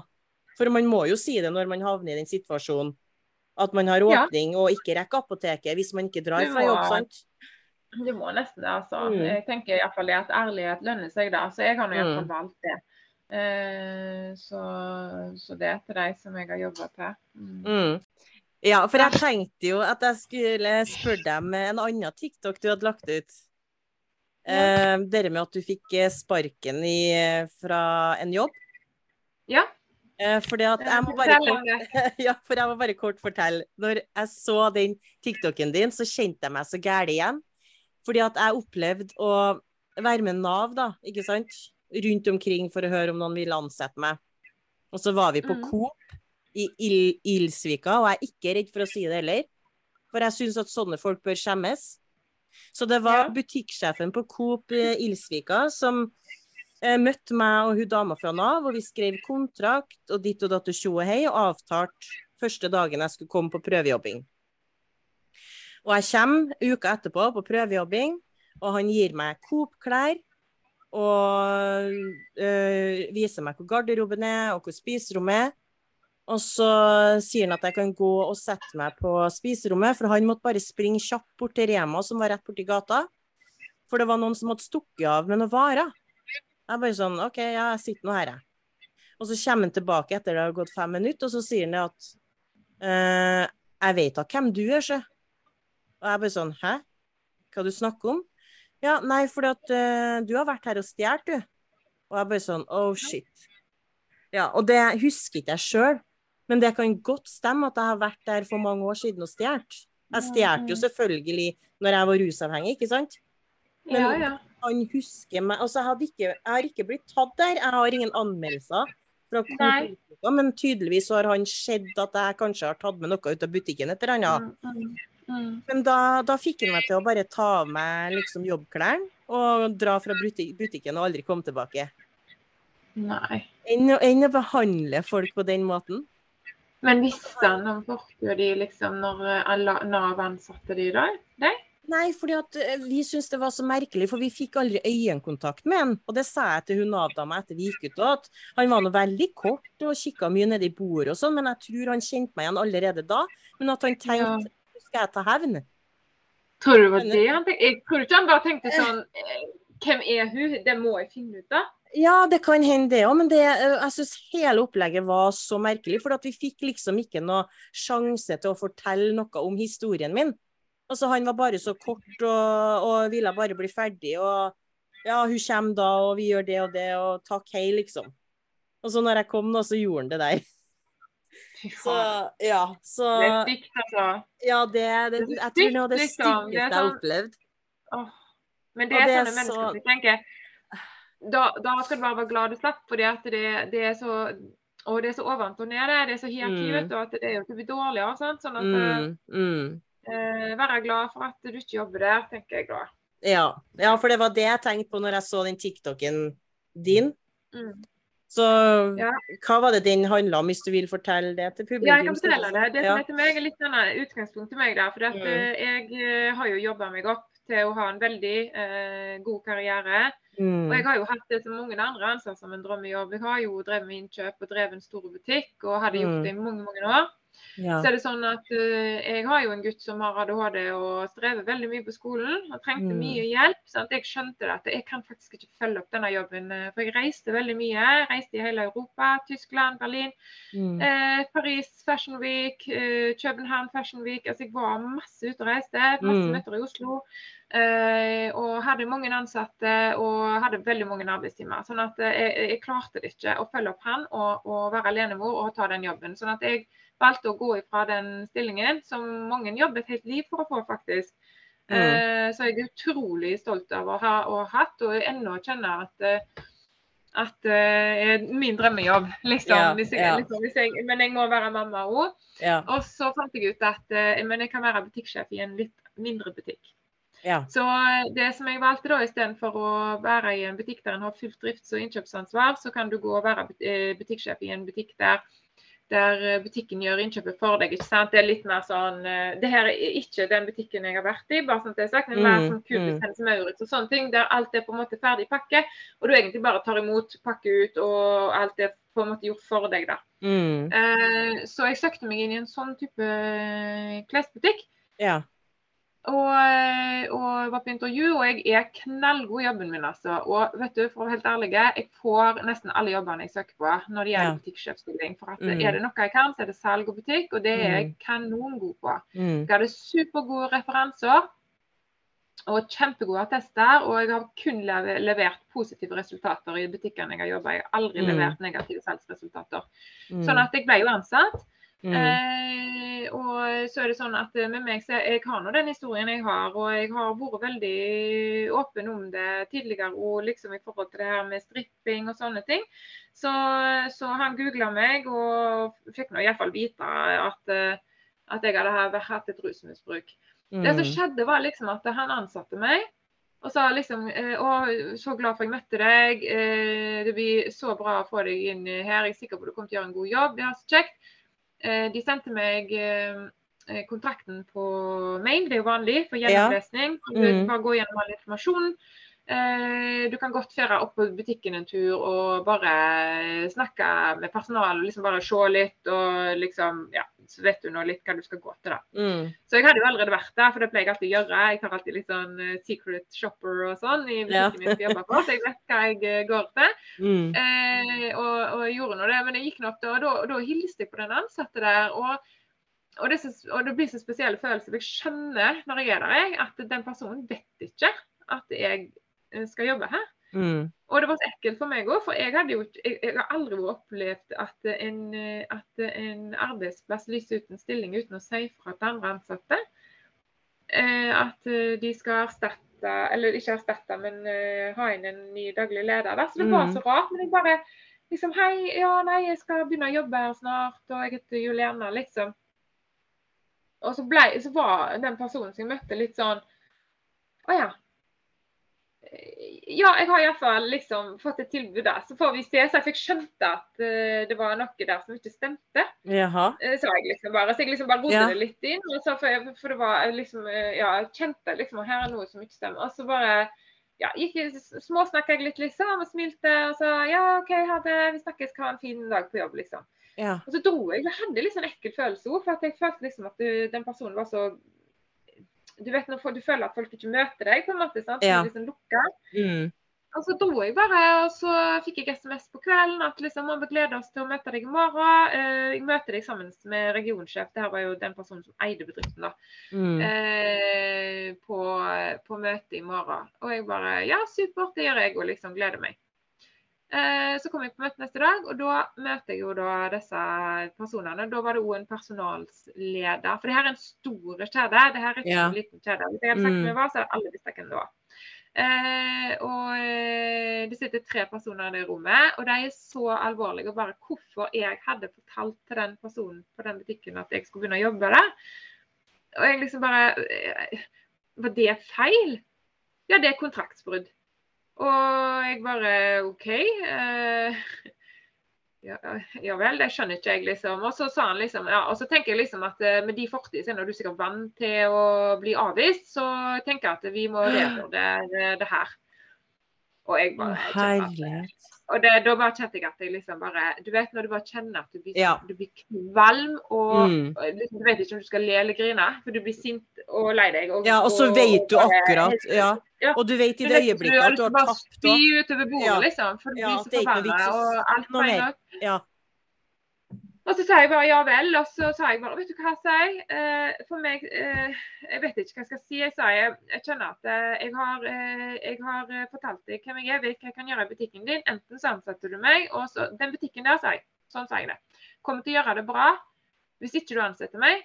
Men hvis du ansetter meg, så kommer det til å gå dobbelt så fort. Ja. Ja, For jeg er dritgod i jobben min. Ja. Og så, og så, sa han eh, ja, ja, du har tro på deg sjøl. Så sa jeg ja, vet du, jeg har det, sa jeg. For jeg vet hva jeg får til. Og jeg har vært i den butikken. Og, og, eh, men nå har jeg på en måte presentert meg sjøl, og jeg sitter her og skal signere en kontrakt. Og, og, dere møter meg på denne måten, så nå kjenner jeg at jeg må få revurdere dette. Eh, og, så, og, så, ble vi egentlig enige om at eh, eh, vi bare legger det her dødt. Uh, han har egentlig sagt at jeg ikke får jobben, ikke sant? Ja. Uh, men han sier det ikke skikkelig direkte. Altså, ringer, mm. Og det er, så, det er så feigt, liksom. Mm. Skjønner du? Han sier liksom mm. nei, men det her må vi tenke på. Ja, vi får revurdere. Du sitter egentlig der og skal få skrive under en kontrakt du egentlig aldri har fått. Du har fått muntlig beskjed. Mm. Uh, at du får jobben, og så mm. plutselig skjønner du, sånn at For meg så ble det bare sånn Det her er så avsmak, det. Så ringte han meg etter et par timer, og så sa han ja, ja, hva tenker du da? Så sier jeg tenker jeg at jeg tror ikke jeg har lyst til å jobbe for deg. Uh, jeg tror ikke det er noe lurt. Nei, jeg tenker nok at jeg er helt enig i det. Det er best at ikke du jobber for oss. Å, herlighet. Men har du sjekka i ettertid om det faktisk er, var kontraktsbrudd det du gjorde? Og si Det er og kontrakt. Nei, det er jo ikke kontrakt. Nei, for jeg har jo gjort. Og så når jeg jobba som servitør, og det kom inn nye kandidater, så hilste de jo på. Og så, det, det er jo helt normalt på en arbeidsplass. Ja, det tenker jeg. I så fall så syns jeg det er veldig rart. da. Da- Det var jo de som oppfordra meg til å dra og gå, gå innom butikken. Og jeg har nå hatt såpass mange nye jobber og ansatt så mange nye sjøl. Ja. At jeg tenker at, eh, at eh, hvis du oppfordrer en person som du har gitt en ny jobb til å gå innom en butikk, så ville det jo Mm. vært helt unaturlig, føler jeg, da, at jeg skal komme der på mandag og eh, gå gjennom butikken, og så komme på tirsdag og si hei, jeg er lederen din. ja. Uten å si hei dagen før. Skjønner du hvordan inntrykk Ja. ville det gitt til den ansatte? da? Sånn at eh, Da burde de ha forklart meg det, tenker jeg da, eh, i ettertid. At hvis det skulle vært noe tydelighet her, så måtte det vært at de skulle sagt du kan godt dra inn i butikken og se, men du må ikke fortelle at du har blitt ansatt i denne stillingen, for det må vi få gjøre først. Skjønner du? ja. Sånn at, skjønner. fordi at vanligvis det er jo ikke lov å lyse ut stillinger. Så er det det, da? Er det lov å lyse ut stillinger som folk ikke vet om? Jeg vet ikke, jeg, altså. Jeg tror, tror liksom at alt Nei, jeg vet ikke. Jeg syns det var kjempespesielt. Og, men til meg, så det som jeg satt igjen med, var den setningen da. Men du er nok sikkert vant til å bli møtt Mm. sånn, du. Mm, mm, Og så tenkte jeg bare nei, det er jeg faktisk ikke. mm. Men det som skjedde var at jeg fikk meg jo en ny jobb rett etterpå, og den jobben gjorde jeg dritbra. Det som skjedde, Jeg ble ansatt i august. Og i, eh, i Voice of Europe, der er det 60, da, da var det 62 butikker når jeg ble ansatt der, eller 65 butikker. Og eh, den butikken jeg tok over, den hadde minus 1 bak budsjettet jeg tok over. Mm. Når jeg kom til jul, så hadde jeg dobla, dobla budsjett hver Mm. måned. Det vil si at hvis budsjettet var 50 000, så hadde jeg 100 000 Altså mm, hver eneste måned. Og de satt på hovedkontoret i Oslo og bare Herregud, hva som skjer? mm. Dobling igjen! Ja. Og igjen og igjen og igjen. Og jeg kom Ja. på andreplass som årets butikk og, og hadde en økning på 25,5% Hadde årets høyeste omsetningsøkning. Året etterpå så tok jeg over en ny butikk, ble butikksjef på to butikker. ja. Eh, der ble jeg årets leder. Årets beste nøkkeltall, og jeg vant Mm. årets butikk. Og jeg hadde det Mm. beste salgsteamet. Sånn at Mm. jeg tenker bare igjen, fuck janteloven. Ja. For at det, det er sånn fy fader, altså, ikke kødd med meg, altså. det går ikke. Nei, for at når du sier er. Ja, for når du sier 'fuck jante' nå, så er det jo det TikTok-kontoen din heter, ikke sant? Mm. Ja, Ja. og, og du har jo også ordna deg en egen nettside som selger klær. Kan ikke du fortelle litt om, om historien til det der? Jo, for dette, det som jeg gjorde da, var at eh, jeg tok jo over denne butikken eh, som jeg nå er daglig leder i, eh, Mm. etter hvert når jeg begynner i, i Trondheim. Og jeg har eh, og jeg har, eh, hadde jo da tatt over der i 2020, og da kom jo covid. Jeg startet, jeg må fortelle hele historien, for det er ganske mm. crazy. Og så var jeg i Hellas eh, på sommeren i 2020, og så ser jeg jo at alle går med munnbind. Vi har ikke begynt med det i Norge ennå, og jeg tenker bare det der, det, det der er framtida, liksom. Det skal alle ha. Mm. Det der skal jeg lage. Så jeg kom hjem til Norge, så ringer jeg til gamlesjefen min, som jeg jobba for før i den store butikken som jeg pratet om når jeg reiste mye på innkjøp, og sier hallo, vet du om en fabrikk? Jeg vil lage munnbind. Og han Mm. trodde jo først jeg var steingal, men bare Mm. ja ja, Juliana, du får til alt, du. I'm in. Jeg ringte, jeg ringte fabrikk, produserte 10 000 munnbind, fikk det EU-godkjent. Var Norges første munnbindmerke som fikk EU-godkjente eh, munnbind som var godkjent på fly og offentlig trafikk. ja. Um, de var testa i norsk laboratorium og var testa på samme måte som medisinske munnbind. Så det, Å, og det herregud, var, så bra. Ja, så det var så bra. Og de kom Mm. uh, bare uker før det ble, eh, det ble um, sånn påbud på buss.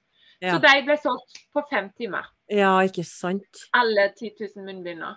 Ja. Så det var helt crazy. Så jeg produserte 16 000 munnbind til. De solgte jeg da de neste påfølgende to månedene, og da hadde jo jeg kapital til å gjøre hva jeg ville. Så jeg hadde jo Mm. da starta mitt eget selskap som heter JS Company AS. Mm. Eh, så da ble historien videre sånn at da hadde jeg lyst til å gjøre litt sånn Hva skal jeg gjøre nå? Gikk og tenkte litt på det. Og i september i 2021 så, så laga jeg meg et eget klesmerke som heter Fuck jente. Som Mm. i Fuck janteloven. Fordi at det er litt meg, jeg er kjerring mot strømmen. Jeg har møtt så mange stengte dører, og så mange som på en måte har stigmatisert meg, at jeg tenkte mm. Når jeg ser meg sjøl liksom, og tenker på Fikante, så tenker på meg sjøl i mm. lårhøye lakksko, i sånn strippesko. Ja. Så står det en rekke ting i rulletrappa på, eh, liksom, på et stort kjøttblender og bare 'Fikantloven!' jeg syns det er så bra. ja, og jeg bare synes det er så, liksom og det var liksom det jeg tenkte. Sant? At det her er litt sånn edgy. Det handler om identitet, attitude yeah. statement. Du yeah. må være deg sjøl, stå på, tro på deg sjøl. Det er liksom yeah. varianter. Det, det, er liksom badass attitude in your face. Mm. Og, og det, det, skal være litt sånn ballsy, da. Altså at man Ja, bare fuck it, vær deg sjøl. Mm. Og så med dette så kommer liksom det er veldig mye mailer inn til meg. Liksom, 'Tusen takk for at du gjør dette.'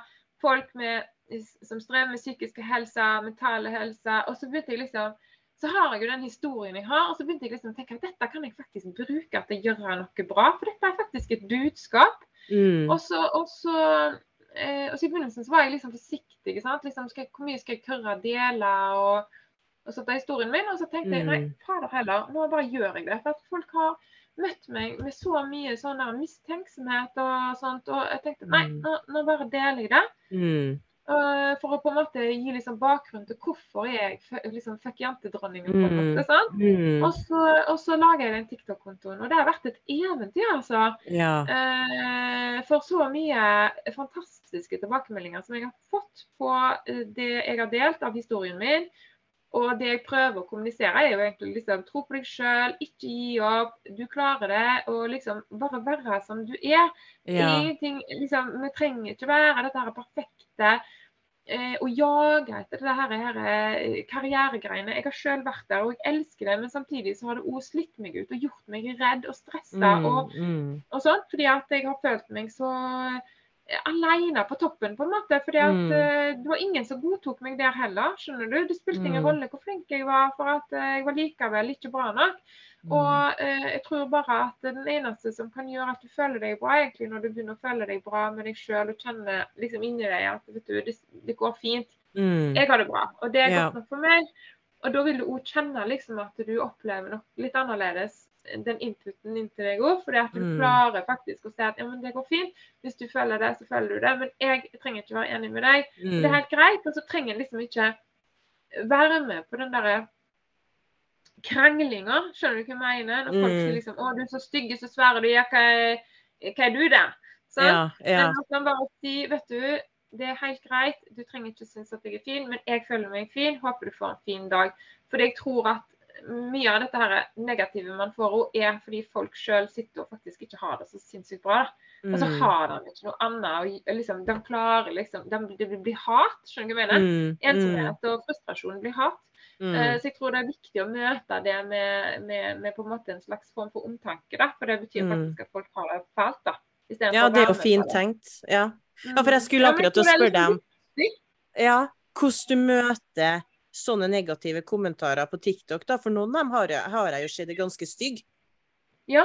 ja. Jo, men jeg prøver å gjøre det, da. Og, mm. og liksom prøve å snu dem til noe mm. positivt. For det er på en måte med å forsterke litt av det jeg prøver å kommunisere. At det, dette sier folk, men dette her eh, mener jeg om det. ikke sant? Mener jeg meg sjøl. Mm. Fordi det har på en måte ingenting å si, da.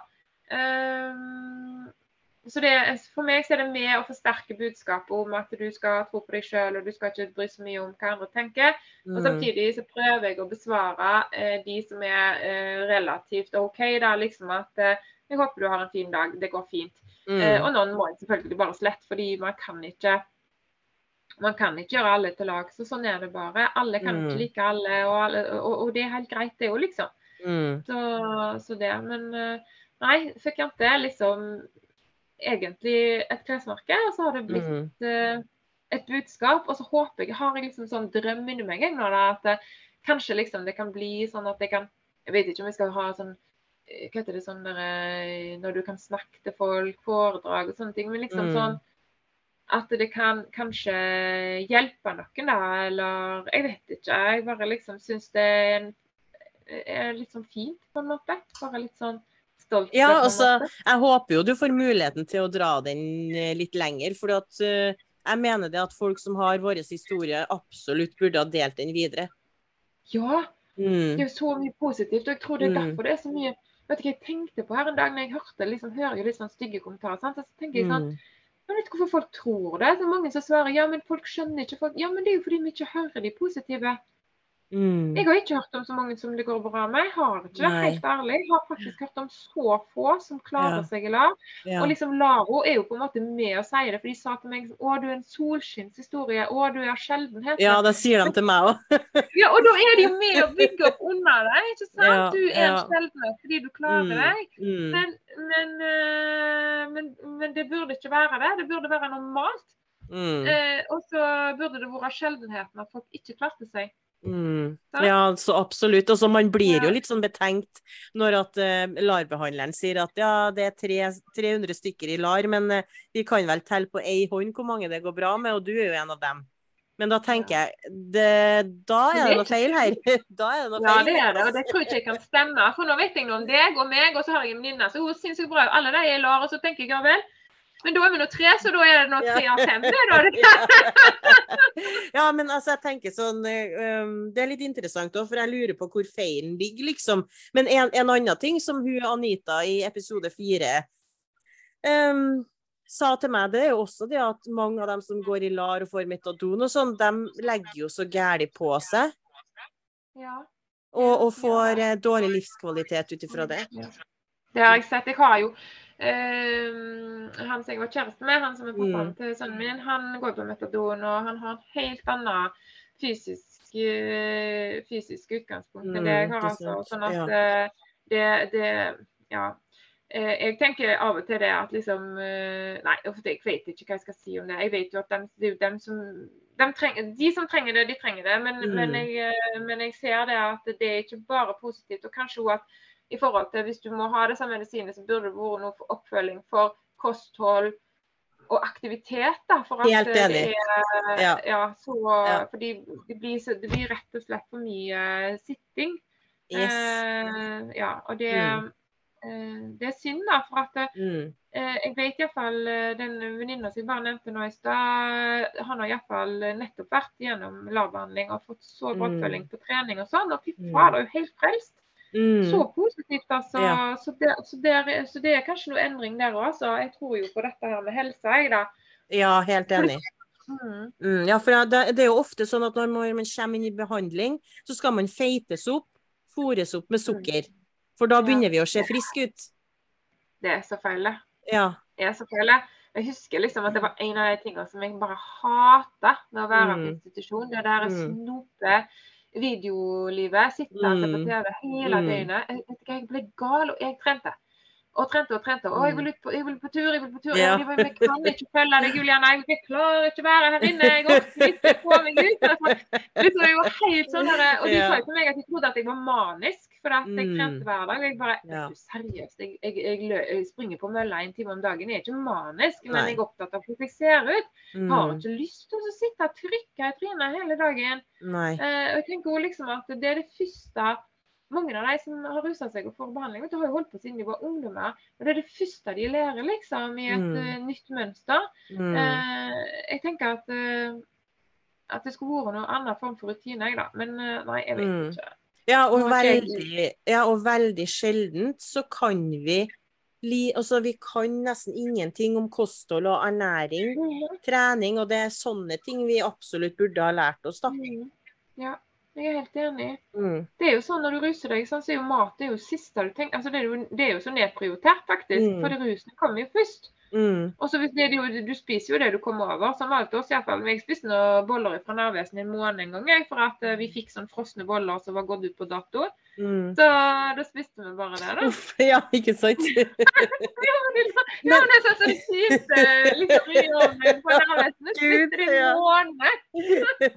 men hvordan har det vært for deg i ettertid med tanke på um, barnevernet og TikTok? Nå da har du fått noe, noe greier der, eller? Jeg har ikke det. Eh, jo, jeg har, en, jeg har, fått noen kommentarer på et samarbeidsmøte. Ja. Eh, men det var skolen, da. Jeg tenker at eh, Jo, det stemmer det. Jo, skolen ringte og sa eh, til barnevernet i forbindelse med en annen situasjon at eh, mor er på TikTok, og mor har vært rusmisbruker. Det var den siste bekymringsmeldingen som var gjort til meg, og det var gitt rett før sommerferien. Eh, så da var det det at sønnen min hadde blitt sint på meg da fordi at jeg ikke hadde sett fordi han er veldig opptatt av at vi skal si hei og ha det. Ja. Og akkurat den dagen så var jeg opptatt på telefonen når han gikk. Så han ja. ha det. Ja. Og så reagerte jeg når døra smalt. Ja. Og, så, og så da hadde han gått, sånn, så da ble han lei seg. Ja.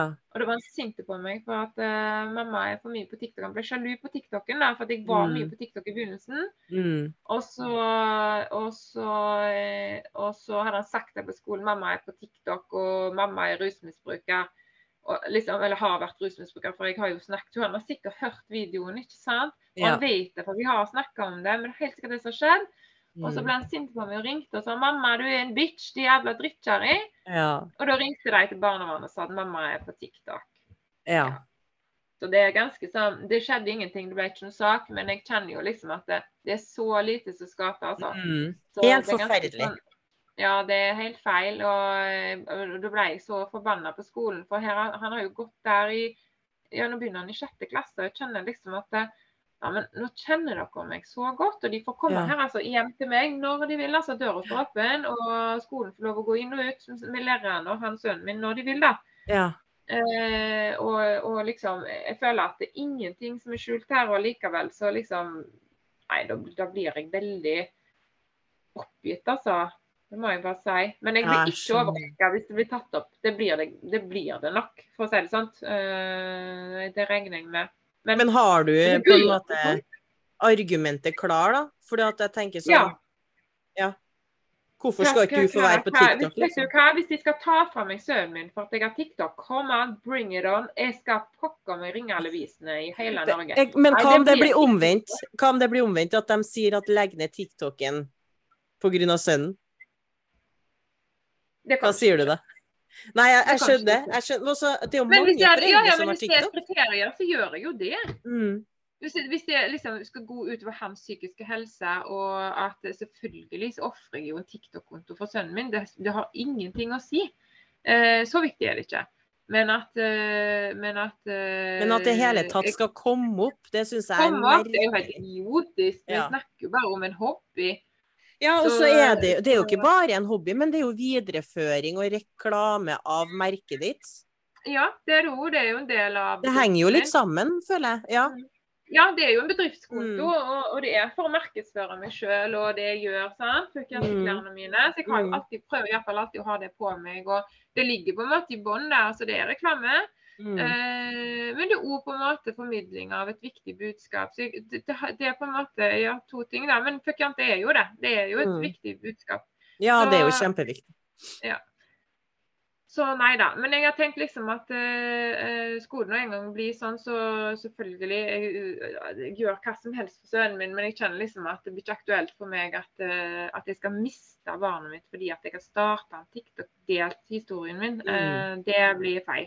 Mm. Eh, men hvis noen sier at han er skadelidende av at jeg har det, mm. da tenker jeg at det blir noe helt annet. Og da mm. skal jeg ikke stå på det at jeg er nødt til å ha en TikTok-konto. Da får vi eventuelt starte en sånn litt sånn forsiktig konto, da, vet du, der vi mm. ikke snakker om sånne ting. Mm. Men jeg håper at det ikke kommer opp, i hvert fall. For jeg digger at, uh, at, den er der, og at du har den, og at du gjør det. Altså, det trengs. Ja. Og så nå skal vi jo Jeg håper at jeg får fortsette. Jeg har jo sånn der shadow-band. Jeg har jo sånn banding på. Sånn advarsel. Nei, har, har du det? Ja. Men jeg håper at, uh, at jeg får være der videre. Men jeg tenkte det at hvis i så fall at den uh, går ned, så starter jeg bare en ny en med mitt eget navn, liksom. Men hva som gjør at du er shadowbanda på TikTok? Det har jeg aldri skjønt. Nei, ikke shadowbanda, men sånn, hva heter det når det står sånn uh, account warning? står det. Ja, Men hva er det som gjør Og så er det at du har Det er for... fordi at uh, jeg rakk Fing i en video. okay.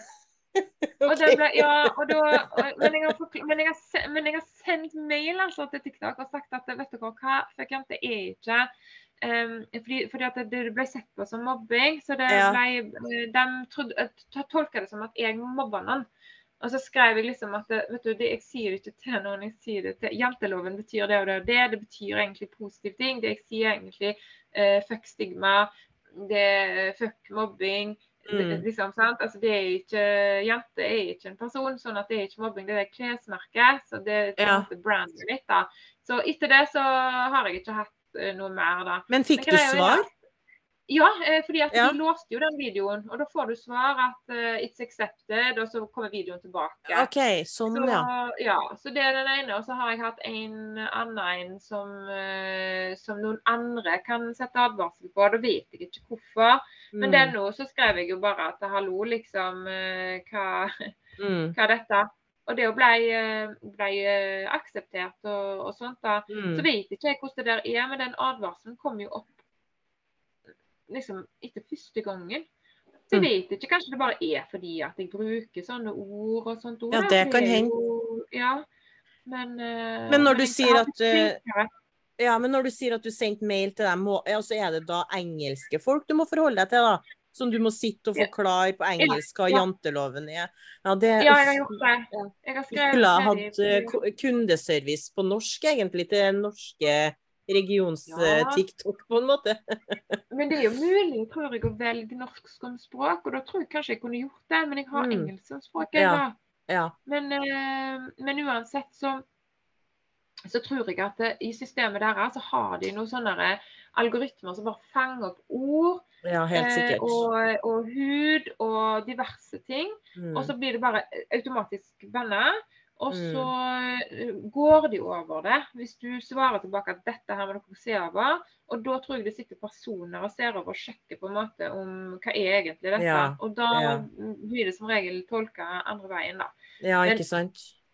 Jeg er in for a ride og er her så lenge det varer. Og så tenker jeg at jeg bare starter på ny, for nå har jeg blitt mye flinkere til ikke å si det så mye. da, for Jeg prøver å unngå å bruke det ordet. og og, og ja, begynte å lære meg litt hva jeg må holde meg unna da, for å mm. liksom ikke gjøre noe som blir oppfatta som provoserende. Ja, ikke eh, sant. For det er jo en hel verden der, ikke sant. Mm. Så, mm. For nå ser jeg at uh, tida vår renner ut snart, uh, Juliana. Ja. Men hvis folk har lyst til å finne deg på TikTok, så er det Fuck Jante som er ja. ja. Fuck Jante er navnet både på TikTok og Instagram. Og så heter nettbutikken min fjshop. .no, Ja, for det var akkurat det jeg skulle, skulle til å spørre deg om. Men jeg kommer også til å legge ut all den informasjonen her eh, under episoden din, så folk bare kan klikke seg inn. Ja. Så, men hvordan går, kan jeg spørre hvordan nettbutikken din går? Det går bra. Det går bra, så bra. Eh, det er en stund til jeg er Hennes og Maurits, men ja. Eh, det går bra, så jeg syns det. Og jeg har hatt liksom jevn økning siden jeg starta. Eh, altså når jeg starta for Campus, så hadde jeg jo en eksplosjon. Det, altså det var sånn, da solgte jeg ut alt liksom ja. en gang. Ja. Og så hadde det roa seg litt. Og så nå har jeg på en måte, fordi jeg vil ha det sjøl, eh, konseptet mitt er sterkere sammen med historien enn alene. Ja. Eh, fordi du må skjønne det på en måte. Ja. Enten så liker du det, eller så liker du det ikke. Ja, ikke sant. Eh, og de som liker det, de elsker det. Og jeg får veldig mye mm. positiv feedback. da. Mm. Så det har bygd seg opp gradvis. Og nå etter hvert som uh, jeg har delt på TikTok, så ser jeg liksom at jeg har stadig økning. Så det er veldig spennende. Mm. Så jeg kommer til å kjøre litt uh, nye produkter nå til høsten. Mm. Uh, jeg har akkurat bestilt en sånn superfine islandsullgenser oh. med, med, logo på, som er så fine. Og den har så mange spurt etter, så det gleder jeg meg til. Uh, ja. Uh, og så kanskje det kommer litt sånn annet småtteri. Jeg vet at du venter på tida, så ja. ja. men det her blir spennende. Ja, jeg, skal fall, jeg skal i hvert fall inn og se og bestille, så oppfordrer jeg alle lyttere til å gjøre det samme. For vi må jo være med på Fuck eh, jante. Ja, det er kjempebra. Jeg, det som jeg kan gjøre, er at jeg kan ta, altså dele en kode med deg, så alle lytterne kan bruke når de handler. Sånn at ja, det hadde eh, vært kjempemessig. Ja, kan få en egen sånn FJ-kode til meg da, som i gave, som følger gjennom linken din. Ja, det blir kjempebra, Julianna. Ja. Mm. tusen takk. Og tusen takk for at du ville være med på denne humpete podkast-innspillinga når vi måtte ha logga ut og inn ganske mye. det er kjempespennende. Det er veldig gøy og lærerikt å få være med. Men du får ha en fin dag videre, og lykke til videre med bedriften. Vi snakkes sikkert igjen seinere, vi. Ja da, det må vi gjøre. OK. Ja, fortsatt god sommer. Legg på, liksom. Å, jeg bare detter ut, du ja, nei, nå sier jeg Nå sier jeg bare ha det og god sommer, jeg, og så snakkes vi seinere. OK, greit. Okay, ha det. Ha det.